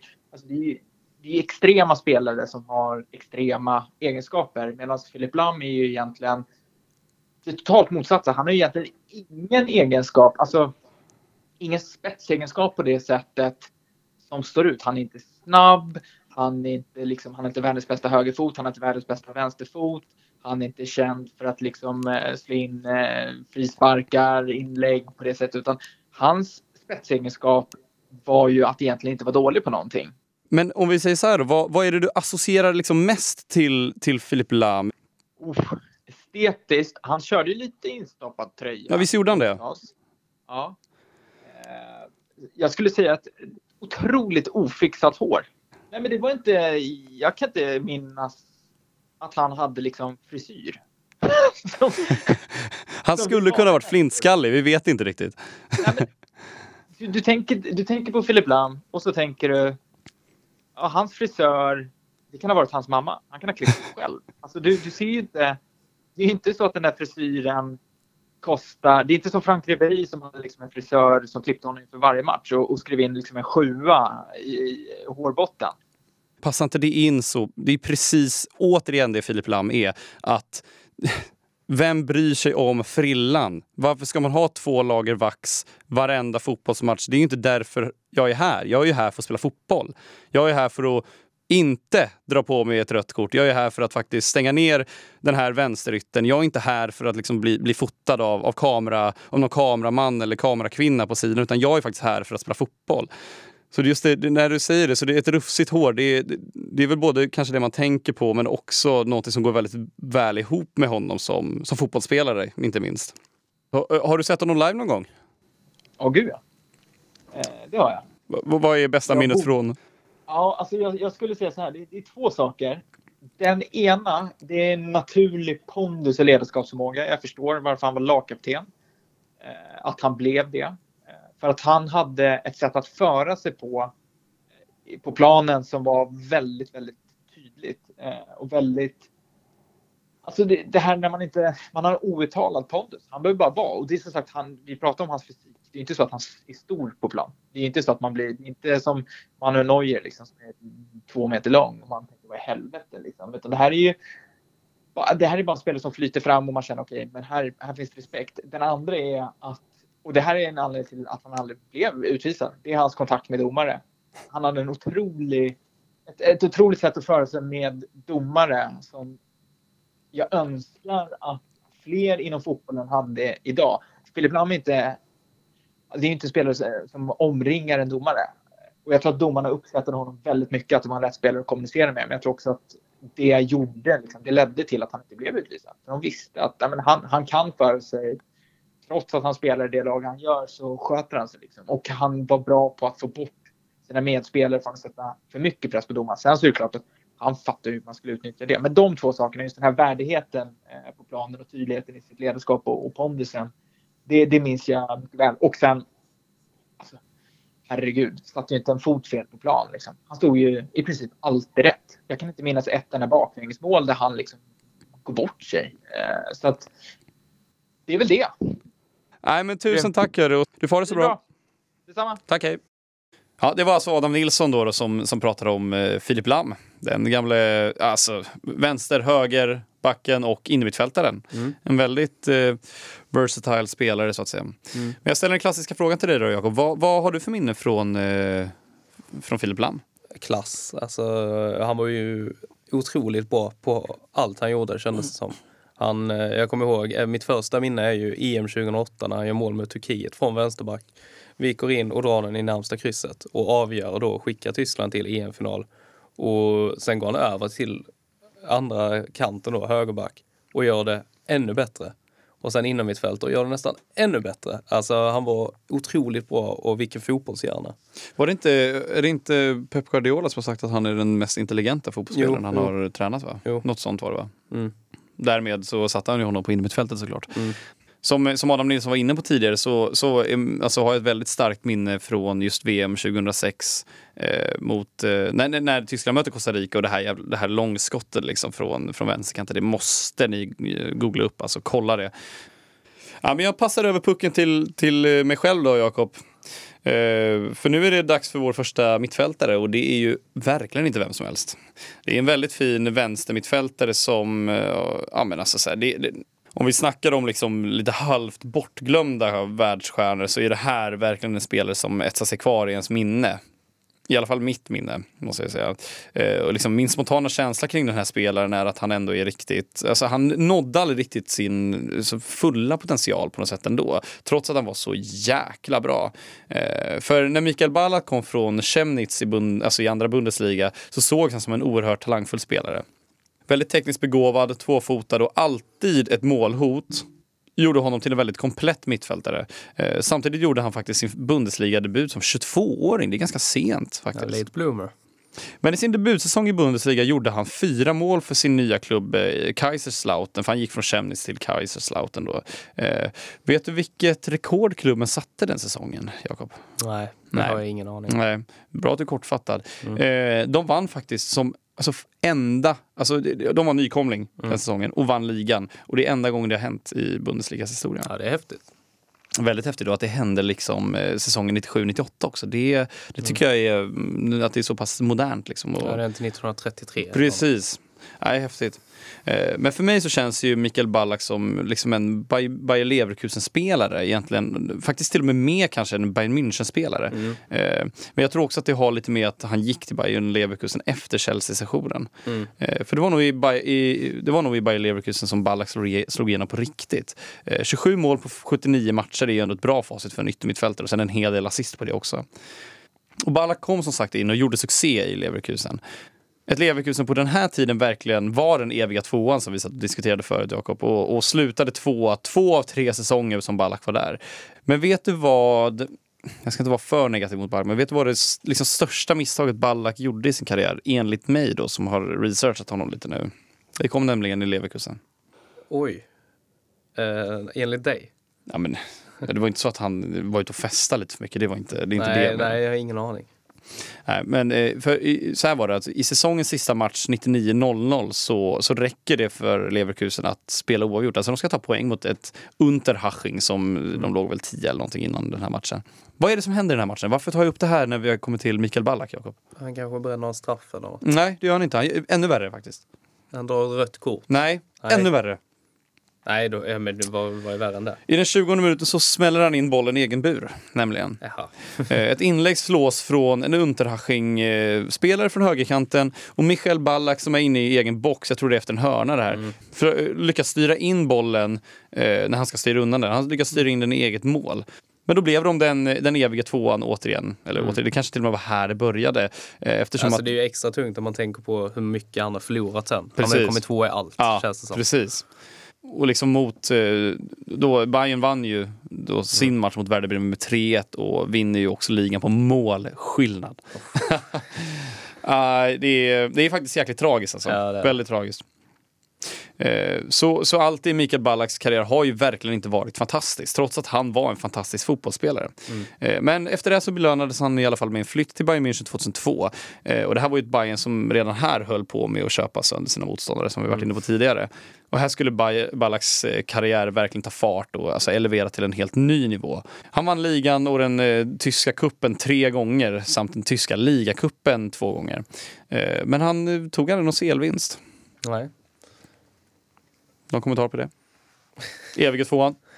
Ja, Nej, det, alltså, han var ju inte sin evig, evige tvåan i Bayern München utan eh, alltså, han kom faktiskt som bäst bara till kvartsfinal med Bayern München under sin tid. Där ja men jag tänker Chelsea och, och alltså... Ja, precis det jag tänkte ta upp också. Ja. Ja. Alltså, det här var ju när Chelsea, Abramovic hade kommit in precis och, ta, och liksom revolutionerat den, och, och, fotbollen till, till det vi vet är den moderna fotbollen idag. Ja. Liksom. Eh, så det fanns ju väldigt starka konkurrenter, Liverpool, Milan också liksom, eh, med flera. Det var väl även här någon gång, Porto var jäkligt bra under Mourinho också va? Var det inte? Ja, 04. Ja, precis. Eh, Kan du gissa hur många gånger Mikael Ballack eh, var topp 10 i Ballon d'Or, Jakob? Han var det 02 vet jag. Det var han. Var det många? eller? Nej, det är bara en gång och det är 02. Ja. Jag tycker det är lite överraskande. Alltså, topp 10 bara jag tänkte en att det gång. skulle vara många faktiskt. Nej, för han känns jag som en sån vet. spelare som kan ha varit många Exakt gånger. det jag tänkte också. Han känns ju som en sån här Ribéry som alltid kommer femma. Eller Robin som alltid kommer femma. Ja, alltså... Men han, han var ja. bara, jag kommer jag kollade, jag kom väl typ så här femma då. jag kom väl typ femma, sjua någonstans där. Ja. Han har aldrig vunnit det uppenbarligen. Nej. Men, eh, men att han bara var med en gång på den listan, det tycker jag var ja, överraskande. Och sen gick han ju liksom till Chelsea efter, efter Bayern München historia, eller eh, Bayern München äventyret och, och resten är ju historia. Eh, och sen var han ju tillbaka i Leverkusen 2010 och la av 2012. Och nu så att jag tänkte dra en ganska sjuk parallell här Jakob, för att alltså, Mikael Ballack och spelaren jag var inne på tidigare, Naldo, alltså de har lite liknande skott. Ballacks skott är ju Ballacks bland det är ju värsta jag har sett. Ja, men alltså, det- är bra då. Men det var väl precis det du sa om Naldo också? Ja, ja, ja, men alltså Ballack, han har ju en frispark i EM 2008 Mm. mot Österrike. Den är, alltså det är den sämsta matchen jag sett kanske. men Ballack gör ett sånt otroligt frisparksmål från 30 meter rakt upp i kryss. Alltså den Mm. Ja. sitter så långt upp i krysset den går. Och det blir 1-0. Det är det enda som händer Ja. på 90 minuter. Men jag kommer ihåg det och jag... Ja, vilket skott Och du tänkte direkt då, Naldo, han har exakt Ja. samma tillslag. Kolla matchen 2006 Ja. när han smällde in den från halva halva. Ja. Liksom. Ja, nej. Eh, Två, två oerhört bra... Alltså, hår- så här, det är väl ingen överraskning att vi hamnar på hårda skott när vi kör Bundesliga va? Nej, det känns nej, som att de är, det, är där, det är där de frodas på något sätt. Yes, Jakob. Du ska ta oss vidare nu till en eh, dödlig, en del av en dödlig triangel. Eller en magisk triangel i alla fall. Nu ska vi gå in på mina uttal igen här. Eh, För den spelaren vi har plockat ut här heter ju då Zvezdan Misimovic. Jätte, jättebra uttal. Jag benämner honom som Misimovic bara. Kan Nej, jag säga. kan du köra Schweiz, Danny? Nej, det kommer att ta en stund. Ja, alltså. eh, och han är ju då en bosnisk ikon som föddes i Tyskland och i München. Och det var också här eh, i då, dåvarande Västtyskland som han började spela fotboll.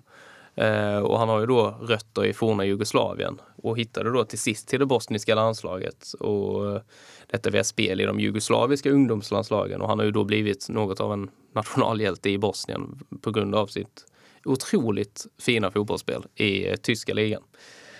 Men han föddes som sagt i München och han inledde sin karriär i Bayerns akademi och han tog sig hela vägen upp i A-laget. Men där blev det bara tre matcher totalt och istället gick han via Bochum till Wolfsburg där, det, där han är ihågkommen ifrån helt enkelt.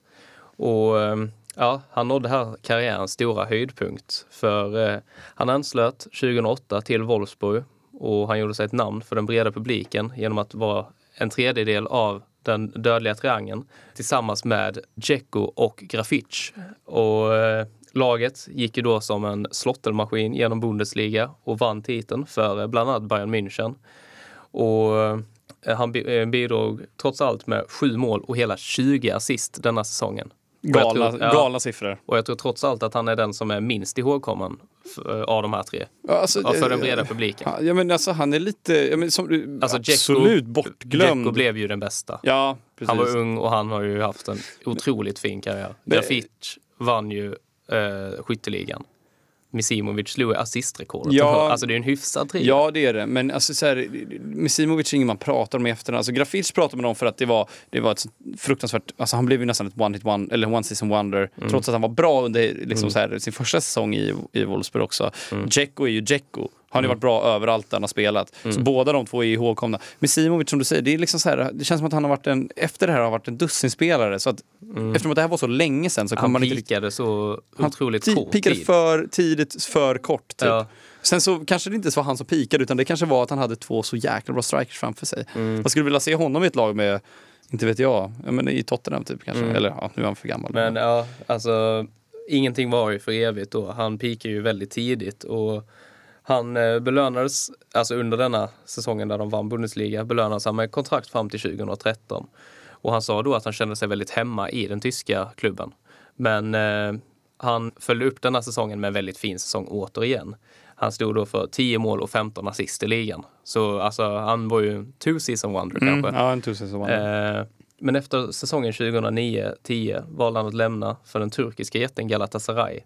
Och då var han ju blott 28 år gammal. Det är ju lite tidigt kanske Mm, varva ner. Jag har ju svårt för Sen, dem som när, går när sa du att det var? Det var 2009-10. ja, men var, var de inte... Lämnade han? Han lämnade då alltså? Ja. Han lämnade Wolfsburg då. Ja, jag vet inte, Galatasaray var väl bättre då än vad de är idag också? Kanske. Jo, det var Turkiska de. ligan. Jo, jo, men detta var ändå innan Sneijder, Eboui Mm. och Ja, sant och och så vidare. Jag har ju svårt för de som varvar ner i alltså, klubbar de uppenbarligen ska hämta pengar Mm. så tidigt. Mm.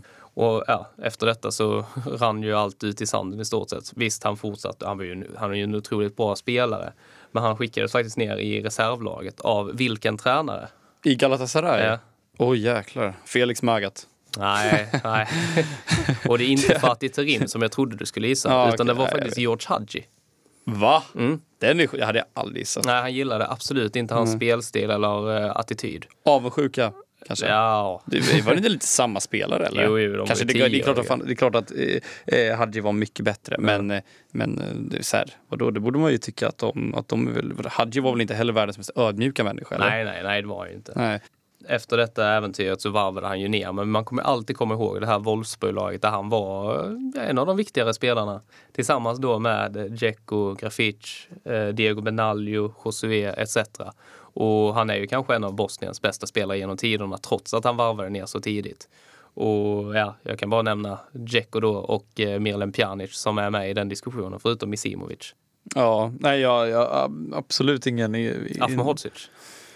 Ja, vad heter det? Vedad Ibisevic kanske? Nej, Ja. så bra är han inte. Nej. Nej, nej, det är klart att det är Dzeko och, och Dzeko måste ju vara bäst. Ja, det är han ju. Och, sen Pjanic är Pjanic, näst bäst. Men ja. sen är Och Misimovic. sen måste alltså. Misimovic vara där. Jag gillar ju spelare som gör fler assist än vad de gör mål. Ja, det är otroligt. I- fotboll, ska vi komma in på hockey igen, då, är det ju, då skiter man ju fullständigt Ja, ja, för det är ju ja. assist på allting. Men i fotboll är det väldigt häftigt. Ja, exakt. Vem är vår andra innermittfältare? Ja, en, eh, en svårgissad eh, herre skulle jag säga. Jag tror de, inte de, de flesta hade nog inte satt in i mittfältare nummer två. Det är nämligen Mehmet Scholl. Den gamla Bayern München-tian med ett väldigt lockande namn. För till skillnad från den eviga tvåan Mikael Ballack så har Scholl en meriterande CL-tid med Bayern München eh, säsongen 99-00. Och han var ju aktiv i den här limbotiden liksom innan den moderna fotbollen, som de flesta av de här var. Innan den moderna fotbollen som vi vet idag med pengadoping och sånt här var en grej. För han var ju också sån här, fan, vi tjatar så mycket om det här, men han, han spelade bara i två klubbar. Jag tänker inte säga two club legend. Han spelade bara i två klubbar under sin professionella karriär. Eh, och det tycker jag tyder på att just fotbollen då inte såg ut som det gör idag. Även att han var en riktig tia får mig att vemodigt liksom tänka tillbaka på hur fotbollen var när man var, när jag var liten. Eh, då liksom tian återigen inte behövde, eller som jag pratade om förut, och raljerat över att tian inte riktigt behövde jobba hem på samma sätt som Nej, forward inget. inte för, Nej, precis. Då, då, då var tian en offensiv spelare, en, en Misimovic-spelare, en Mehmet Scholl-spelare. Liksom. Men Scholl började i alla fall sin professionella karriär i hemstaden Karlsruhe. Eh, där stack han tidigt ut som en väldigt begåvad spelare och fick göra sin seniordebut som 19-åring mot Köln i den 78 minuten. Hur lång tid tror du att han, det tog innan han gjorde sitt första mål, Jakob? I matcher eller i tid? Ja, i tid. Det kan vara i matcher också, men i tid. Två år? Nej, långt ifrån. Okej, tre dagar? Nej. 12 minuter. Han, 12 gör nämligen, minuter, han gör nämligen mål i 19, 90 minuten i samma match. Vilket inhopp. Vilken, eh, vilken premiär. Vilken debut. Ja. Som jag nämnde tidigare så blev han känd som en, liksom en klassisk tia då. Eh, och han var oerhört teknisk, liksom oerhört eh, duktig på frisparkar och en eh, väldigt duktig playmaker bara. Så, liksom som en klassisk playmaker ska vara. Mm. Eh, men, och det var ju den här spelaren då som jag, som jag pratade om var Detta var ju också innan tiden där spelarna hade sport-bh på sig som Ja, mätte hur långt han sprang. Ja, han precis. kanske snittade 2,5 kilometer Han hade match. inte gynnats av det. Nej, nej. precis. Eh, nej, men eh, och det, det var ju även Mehmet Scholl som jag pratade om tidigare faktiskt var aktiv på 80-talet. Alltså det är galet. Mm. Ja. Eh, för 1992 lämnade han Karlsruhe för Bayern München. Alltså, eh, den övergången är ju rätt sjuk, tycker jag. Jag vet inte exakt hur bra Karlsruhe var på Mm. De den här var tiden. bättre då. Mm. Ja, de var absolut bättre då. Men han lämnade 1992 Karlsruhe för Bayern München där han skulle spela karriären ut. Eh, Och här vann han ju totalt åtta stycken ligatitlar. Åtta stycken Mm. eh, med den tyska giganten och är därmed delad etta i den kategorin. Kan du nämna de andra två, Jakob? Oliver Kahn. Oliver Kahn. Vad sa du, 92 till? Ja, ja, men det spelar ingen, det, det kan vara när som helst där. Jaha, ja, okej, Ja. jag tror det var från det laget. Ja. Eh, Det är, det, alltså han är etta någonsin i Bundesliga i att vinna titlar. På åtta titlar. Sen är det två, två stycken till som har åtta titlar också. ja, men det är Oliver Kahn och eh, kan det vara Larm? Nej, inte Lam. Tydligen. Ja, eh, nej, nutida kanske Neuer. Nej. Nej, Müller. Nej, det är lite tidigare skulle jag säga ändå. Nej, jag, jag tar Nej. Bastian Schweinsteiger. Ah, faktiskt, nej, det var ju lätt att gissa att det var någon Mm. från Bayern. Ja, precis. Nej, så Oliver Kahn och Bastian Schweinsteiger är på den här, alltså att, att Mehmet Scholl, återigen, han känns ganska bortglömd. Jag hade inte superbra koll på honom innan. Att han är liksom här uppe med Oliver Kahn och Bastian Schweinsteiger säger en hel del om hur bra han var. Han var ju ordinarie, mer eller mindre, under de här åren också. Sen kommer faktiskt ett sjukt oväntat namn som delad tvåa med sju titlar, Jakob, på den här listan. Alltså det här är helt sjukt. Det är, det är inte sjukt för att, eh, för att det är en dålig spelare, en jättebra fotbollsspelare, men jag tycker bara det är så sjukt att han har vunnit sju titlar med Bayern. Kan du gissa på vem det är? Det är mittfältare. Inte tysk. Inte tysk. Är det någon nutida? Ja, han är högst aktuell fortfarande. Eh, Spelar i ett av världens bästa lag idag. Ja, jag tänkte ju Ribéry eller Robben, Nej. men det, är ju inte dem. Nej, det är en in, central mittfältare. Okej, eh, Klubban han Thiago. Thiago. Han har vunnit sju ti- ligatitlar med Bayern München. Känns ju inte som att han var där så länge. Han kan ju inte ha varit där mer än sju år. Nej, jag vet. Det är det jag tänker. Han måste ha vunnit då varje år. Ja, nej, jag tycker bara det var sjukt att han... Så här, han var ju hur bra som helst i, men, men, så, i Bayern München. Men det är som du säger, att det känns inte som att han var det så länge typ heller Nej. i, i Bayern München. Men Neuer måste också vara uppe i de siffrorna. Ja, men han var nog på sju tror jag. Ja. Det var många fler som var på sju liksom. Ja. Även Müller Så och... ger det två år så är Neuer rätt. Ja, men precis, precis. Och Müller. Ja. Men utöver Bundesliga-titlarna var Mehmet Scholl även med i den oerhört framgångsrika Bayern München-upplagan som säsongen 00-01 vann i princip allt de kunde vinna. Eh, för de vann Bundesliga, de vann Champions League och de vann tyska ligacupen som, eh, som heter DFL-pokal. Så det enda de miss, misslyckades med att vinna det året var DFB-pokal. Som är, det är väl den lite mer kända versionen av kuppen. Precis, det tyska kuppen och den andra är tyska ligacupen då. Mm. Sen så, vi pratade ju lite med Adam Nilsson här innan och eh, han nämnde att, eh, lite så off track, att eh, Mehmet Scholl är ju en väldigt så här, problematisk människa. Ja, ja. Han är, eh, han fick väl kicken från eh, Bayern München va? Han, fick inte, han fick inte vara med Han var problematisk Han att var- arbeta med. Precis, problematiska att arbeta med. Och sen har jag lite roliga, så här, märkliga skandaler som han har, har runt sig. För, eh, han har bland annat i sin ungdom sagt att Tysklands svar då på Miljöpartiet ska, och jag quotar, hängas i träden medan de fortfarande finns kvar. Ja, Det är märkligt. mm. Eh, det är ett statement. Precis, det är ett statement. Men det finns ju också en viss ironi i det här. Eh, här ganska korkad. eh, Det är en ganska korkad kommentar för att den är så jävla osmaklig. Men det finns också liksom här ganska ironi som, som bara får det att bli ännu mer korkat. För det, är liksom så här, det ironiska och komiska med det här är ju att om man skulle hänga det här partiet i ett träd, som han dessutom säger, eh, så liksom kommer ju det eventuellt inte finnas några fler träd i framtiden. Ja, men det här ut, urartade lite i alla fall och, och, och Scholl blev sen stämd av en politiker för, för det gröna partiet som de hette då, det här Miljöpartiet, som menade att Scholl hade hotat med att mörda hans kollegor. Eh, också helt sjukt egentligen, Mm. men jag antar att Scholl inte hade tänkt göra det. Men, eh, men Scholl kröp till korset då och eh, eh, donerade 15 000 euro till, eh, till, det här, till välgörenhet. Inte till partiet heller, Nej, utan till nej. välgörenhet. För jag tror, jag tror att han vann den här, eh, liksom, eh, vad ska man säga, det här målet då, brottsmålet. Men, eh, men eh, han ville väl ändå rent få sitt namn lite, så Ja. att han donerade lite stålar. Och några år senare, så, för att avsluta det här, så, så, så fick han faktiskt frågan. Nu hade han lite ironi i det här, fast fortfarande ganska obehagligt. Eh, för han fick frågan några år senare om vilket parti han hade tänkt sig rösta på. Eh, och då så sa han, och jag quotar, Green naturally, I cannot leave them hanging. Ja, det är osmakligt. Fattar det är att- det är jätteosmakligt. jävligt osmakligt, men jag fatt, det är ju också jävligt komiskt för att det är, jag fattar verkligen att han inte fick vara kvar i Bayern München. Ja, ja, så här kan man inte hålla på. Tänk om han sa det här utåt, vad fan, vad höll han på med då? Bakom Bayerns testodörrar. Ja, precis. Han och Hans, eh, vad heter han? Karl-Heinz Rummenigge, Mm, Precis. Uli Hoeneß. Oj, ja. Nej, då fick han lämna där, helt enkelt. Ja, rimligt. Vi går på höger mitten då, Jakob. Sista mittfältaren. Min polska namn. Jakub Kuba Blaszczykowski. Jag tänker inte ens försöka bokstavera Precis, efternamnet. för det, det är många inte vet är att du heter Blaszczykowski efternamn. Ja, det är det som... Nej, Ah, det var inget roligt. nej det var inte kul. Men eh, ja, han heter ju då Jakub, därav eh, min polska namn. Eh, nej, och det här är ju en eh, Dortmund-legend, får man väl ändå kalla honom. Och han kom, ju, han kom ju till klubben som 21-åring redan 2007. Eh, Detta efter att ha imponerat stort i den polska storklubben Wisla Krakow, eh, där han trots sin unga ålder blev uttagen i årets lag i polska ligan. eh, I ett lag som slutade tvåa. Och han kom då alltså inför säsongen 2007-08 men plågades länge av skador. I, det var någon muskelskada i högra benet, har jag för mig. Och eh, han spelade nästan ingenting. Men trots detta så blev han utsedd till årets fotbollsspelare i Polen. Alltså det här 2008. De hade en dålig generation, Polen, eller? Ja, och så började jag tänka på det. Vad finns det mer för sådana här spelare som har alltså vunnit, alltså eh, vi har ju Guldbollen då, men i sin bäst fotbollsspelare i landet eh, utan någon konkurrens. Alltså det finns ju Zlatan här, obviously. Det finns Aubameyang, Ja, jag tänkte jag säga på. Bamba Bloodclot Young. Ja, Mkhitaryan. Han har också vunnit herrans massa. Ja, vad heter han? George Weah? Typ. Ja, jo det är vad sant. är det? Liba- Liberia. Liberia, precis.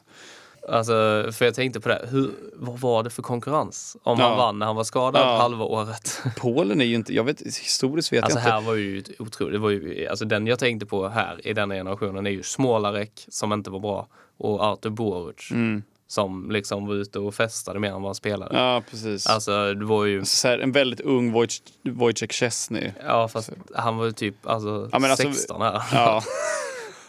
De hade kunnat se in i framtiden där bara. Så Ja, att han, exakt. han slår ut Levan- Sverige om Levan 14 var år ju ungefär. ändå nära här men det var ju fortfarande, ja. Mm. Ja, men Levan var ju inte Ja. aktuell. Nej men alltså det är ju svagt. Mm. eh, att ja, det är han- riktigt han så. Piszek, sa du det eller? Ja, hade det skulle vara. Ja, jag vet inte hur bra han var här. Nej, Alltså. men det känns som att de var lika gamla ungefär. Ja, ja.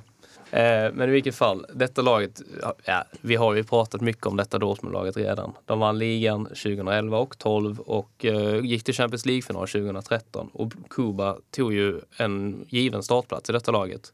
Med spelare som Götze, Lewandowski, Gündogan, Ivan Perisic. Alltså det var ju väldigt många bra spelare.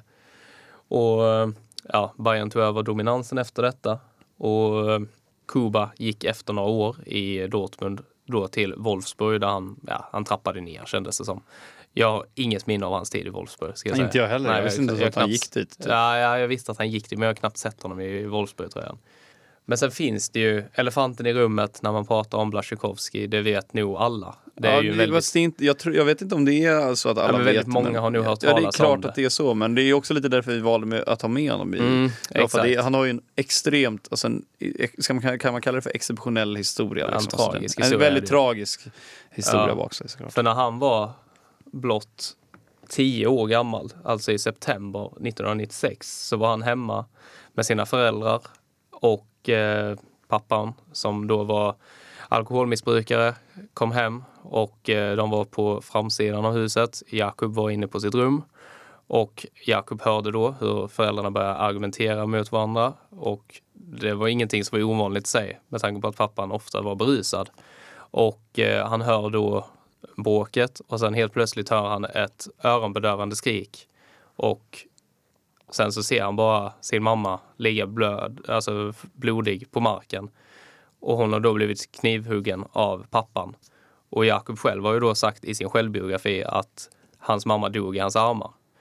Och fan. han alltså. var ju då blott tio år gammal här och han har ju sagt själv att det är ju en fråga som har hängt med honom hela karriären. Och han har själv sagt att han har inte släppt, han släpper inte en bok, alltså då, det är ju ett par år sedan. Han släpper ju inte en bok för att få sympati eller uppmärksamhet utan det är ju bara för att han har fått så otroligt många frågor om detta. Men han klarade sig faktiskt rätt så bra trots detta hemska då. Det påverkar ju. Han sa också bland annat att han satt, han låg bara inne på sitt rum i sin säng i fyra dagar efter detta och rörde sig inte. Han åt ingenting nästan och han drack nästan ingenting utan han bara låg där. Och det är ju otroligt hemsk upplevelse för Jakob och hans bror då David.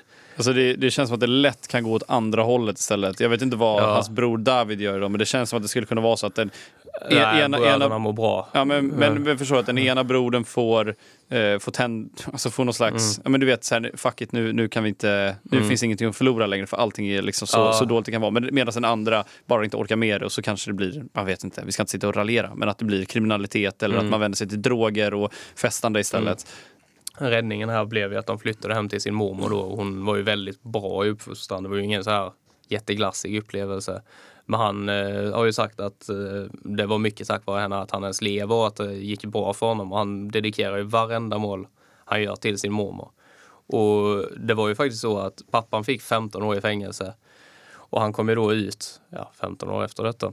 Eh, och rätt så snart så bestämde sig Kuba då att han aldrig vill ha kontakt med pappan och brodern David också. Men så fick eh, de veta då att pappan var döende bara ett par år efter att han kom ut från fängelset av skrumplever. Och eh, att han då, han hade inte råd med någon behandling och han hade inte råd med någon duglig tillvaro under de sista månaderna eh, i livet. Och Kuba då som har pengar och eh, har ekonomin att ge pappan den dugliga tillvaron eh, valde ju då helt enkelt efter viss rådgivning av sin bror att eh, faktiskt betala pappans vård i slutet. Eh, för att, och han har ju motiverat då detta att han, han ville ju bara se sin pappa död men eh, han tänkte också att han ville vara en för, förebild för sina egna barn.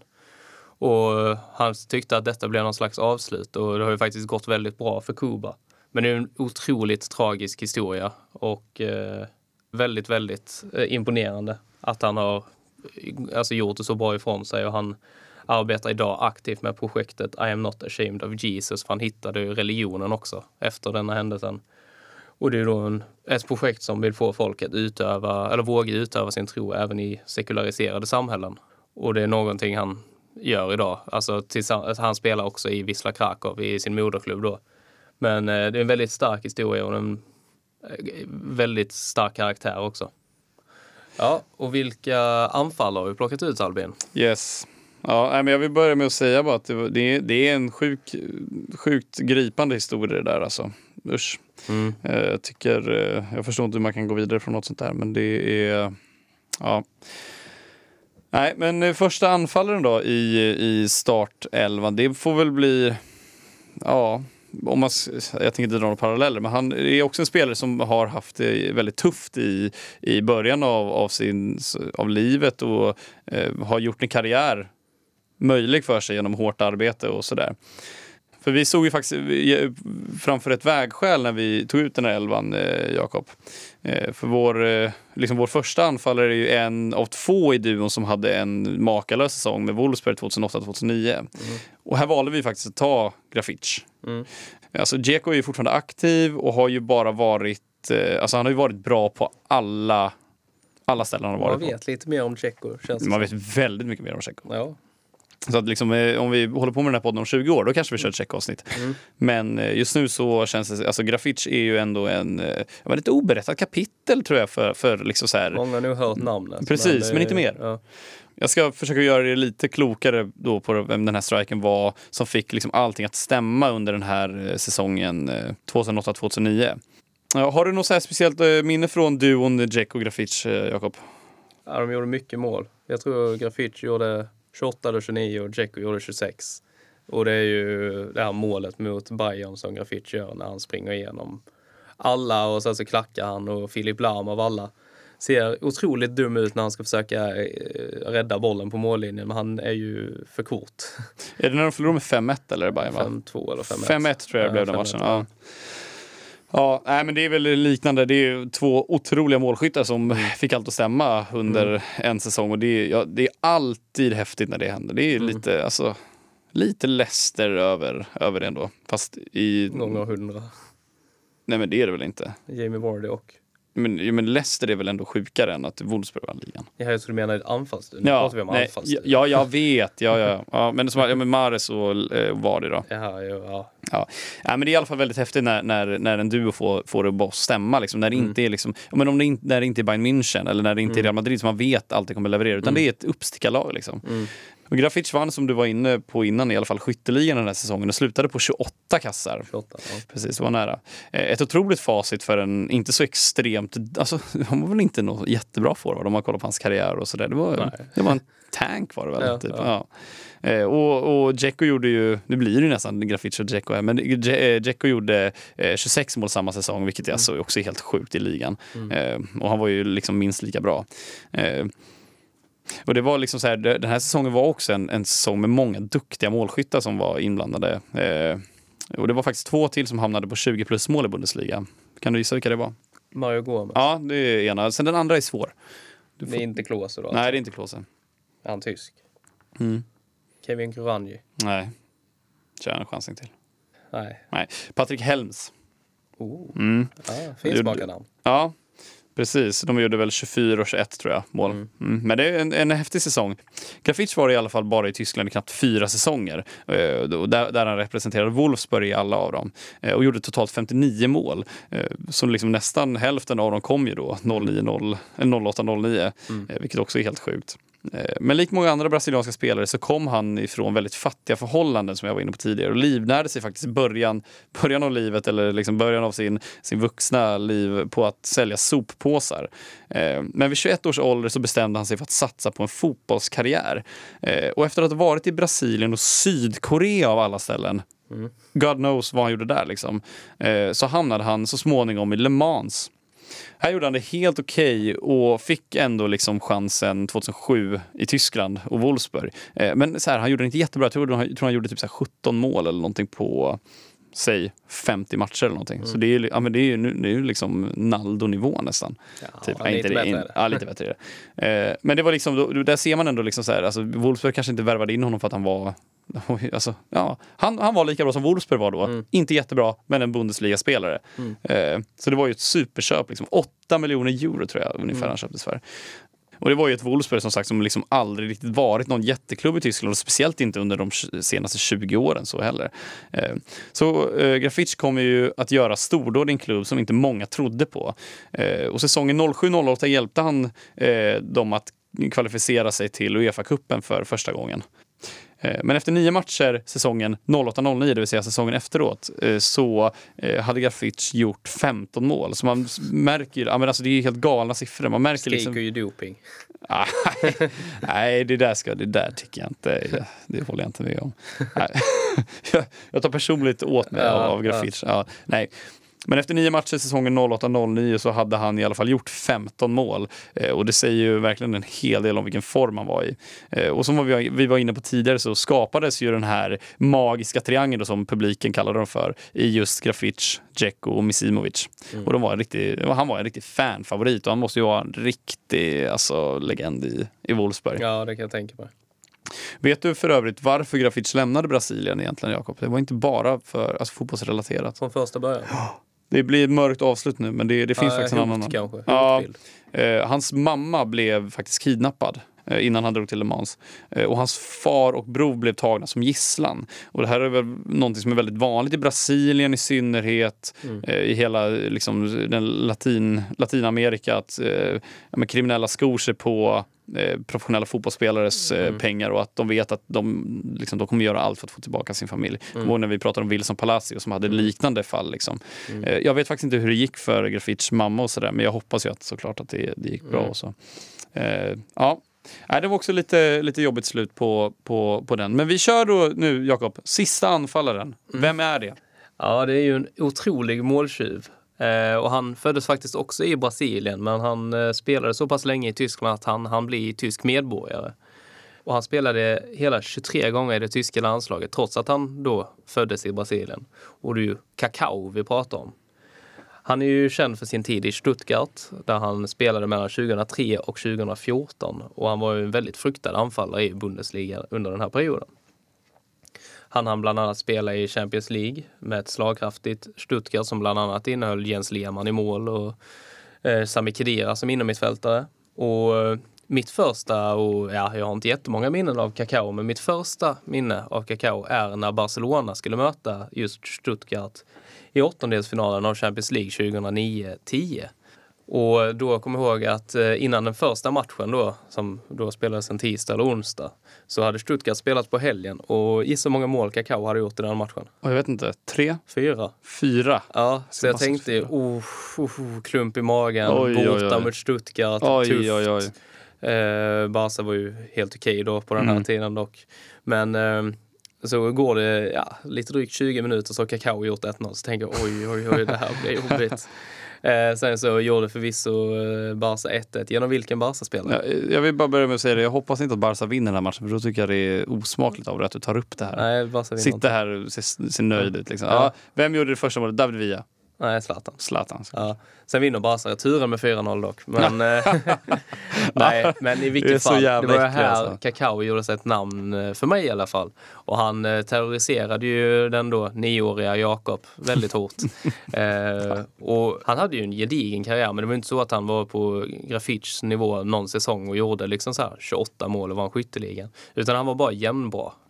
Och ehm, han, han blev väldigt ihågkommen och uppmärksammad för att han kom ju med i Tysklands VM-trupp till eh, Sydafrika-VM 2010. Och det var ju då Tyskland som eh, gjorde en slags omstart. Och eh, han fick göra sin VM-debut mot Australien, en match som Tyskland vann med 4-0. Gissa hur lång tid det tog innan Kakao gjorde mål? Jag säger fyra minuter då Nej, en minut och 47 Åh sekunder det. herregud. Så han var ju en ännu bättre sub än Mehmet Scholl då. Ja det var Eh, och alltså så här, det lossnade ju aldrig riktigt så här. Det var ju aldrig så att Bayern ryckte igenom eller att eh, han gjorde sju mål i en VM-turnering. Men han fick ju faktiskt med sig en bronsmedalj och han gjorde mål för Tyskland i ett VM och man såg verkligen på honom när han firade det här målet hur mycket det betydde. Han var ju högst delaktig ändå. Ja, ja, ja, han var ju verkligen med. Han startade mot Uruguay i bronsmatchen. Mm. Han blev förvisso utbytt när de vände sig. Ja men, men. Ja, och alltså eh, han gjorde det väldigt bra. Och efter tiden i Stuttgart så harvade han runt i Japan och sen gick han tillbaka till Stuttgarts B-lag eh, innan han la skorna på hyllan 2016. Men det finns ju en eh, historia om Kakao också. Vet du vad han kallades i eh, Tyskland? Ja. Jag vet att du har nämnt det förut. Helmut hette Ja, han. Helmut kallades han. Men vet du varför? Nej det vet jag inte. Nej, för att han eh, hade en gammal lagkamrat i Stuttgart då som hette Ludwig Magnan. Eh, och han var då schweizare.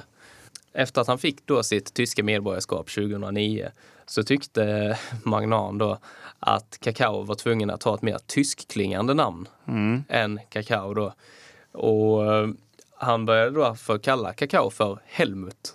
eh, och detta var då ett namn som etablerade sig i laget och alltså även i media och så vidare ibland. Mhm. Men eh, såklart mest kallad Kakao. Mm. Och det är ju också lite så här, vad är ett tyskklingande namn? Ja, och måste precis. man ha ett tyskklingande Ja, namn? ja. Får man inte heta Nej. olika och så vidare? Ja. Och Det är, Nej. ju, alltså det är ju speciellt med tanke på att efter karriären så har ju Kakao varit väldigt så här han har varit väldigt involverad i frågor som rör mörka personer som utövar fotboll i Tyskland. Mm. Alltså en BLM-rörelse. Ja, men typ, Tyskland, fast liksom. inom just Ja. fotboll. Mm, typ så om det är rasism inom fotboll Ja, och så vidare. precis. Och han var bland annat med i dokumentären Schwarze Adler eh, Mhm. som gick här för, om det var förra eller för förra året, som då skildrar just detta. Och han, alltså så här, denna historien, också så här, vad är ett tyskt namn? Är ett, alltså så här, det är lite sådana här historier. Han har bott i Tyskland då åtta år innan han fick sitt medborgarskap och det tyder ju också på att han har ju verkligen, Tyskland tog ju verkligen till sig kakao och han var ju en väldigt bra fotbollsspelare. Han tog sig hela vägen till landslaget och gjorde mål i VM. Och han satte skräck i Jakob Nalerius 2009. Ja, nej, men jag tänkte säga det, alltså, så här, vi, återigen, vi, jag vill ju alltid att vi försöker brasklappa för det. Man, ska inte, det är så här, man kan sitta och fnissa åt det här Helmut-namnet för att det är så jävla dumt. Alltså, så här, Mm. det, är så, det är precis det du är inne på. Det. Jag tycker det, är- du, du slår liksom så här, eh, huvudet på spiken på något sätt. Att, så här, vad är ett tyskt namn då? Mm. Ja, kom igen. Eh, så att det är så här, eh, jag tror nu eh, att, inte att Kakao uppskattar jag tror inte han bryr sig egentligen om att eh, bli kallad för Helmut så. Nej. Men jag förstår, jag kan tänka mig också att hade han varit vit, säger vi, så hade det nog inte varit så att man hade döpt honom till Helmut. Hade han hetat Då hade han nog bara Emil. Forsberg så hade ingen brytt sig. Då hade ingen brytt sig, precis. Nej. Så det blir ju... Det är, jag vet inte vem den här sch- schweiziska magnan var. Han kanske inte ens... När var det här? 2010? Ja, nej, det var under hans tid i Stuttgart. Det Ja. står inte när det uppkom namn. Så här, det behöver ju inte ens varit nödvändigtvis alltså, en, alltså, menat som något rasistiskt, men det blir ju det. Mm. Ja. Alltså, det, blir ju, det blir ju rasistiskt eftersom att det är, det är man, ja, så här, man, man, man, vad ska man säga? Man för att antyder ju att ja. kakao inte är tysk. Ja, eller har precis. ett tyskt namn. Ja, precis. Och det är ju lite det också som Alltså det här är- det är ju absolut inte det värsta han har varit med om Nej, antagligen. Nej. att Men det är det var- en liten del av liksom den strukturella Ja, rasismen. exakt. Typ. Och lite Ja, så här, Tyskland det är ju också... Dess historia och sådär, precis. Ja, Ja. så, ja. Så här, som sagt, man kan sitta och fnissa åt det här och, och sådär, men man måste ändå fatta att det är liksom, det är, det är klart som fan att det inte är okej att, Nej, att kalla exakt. honom för det. Och det ja, så här, förhoppningsvis har det blivit bättre. Mm. Med all sannolikhet så kanske det har blivit det, men förhoppningsvis har det blivit bättre och, och man ska inte eh, göra på det sättet med andra ord. Nej. Men vi väljer att komma ihåg den strålande fotbollsspelaren Kakao. Som gjorde fyra mål helgen innan han mötte Barcelona. Precis. Ja, det är, ju, det, det, det är den du väljer att komma ihåg. Men Ja. du, du, du väljer inte att komma ihåg Kakao som gjorde mål mot Barcelona kanske? Ja, jo, det kan jag också. Ja, det är bi- Kakao som åkte ut mot. Barcelona. också. Ja, precis. ja, nej men eh, om du inte har någonting att tillägga Jakob så tänker jag att vi, eh, vi sluter den här, eh, det här avsnittet och tackar för oss. På återseende. På återseende. Tack.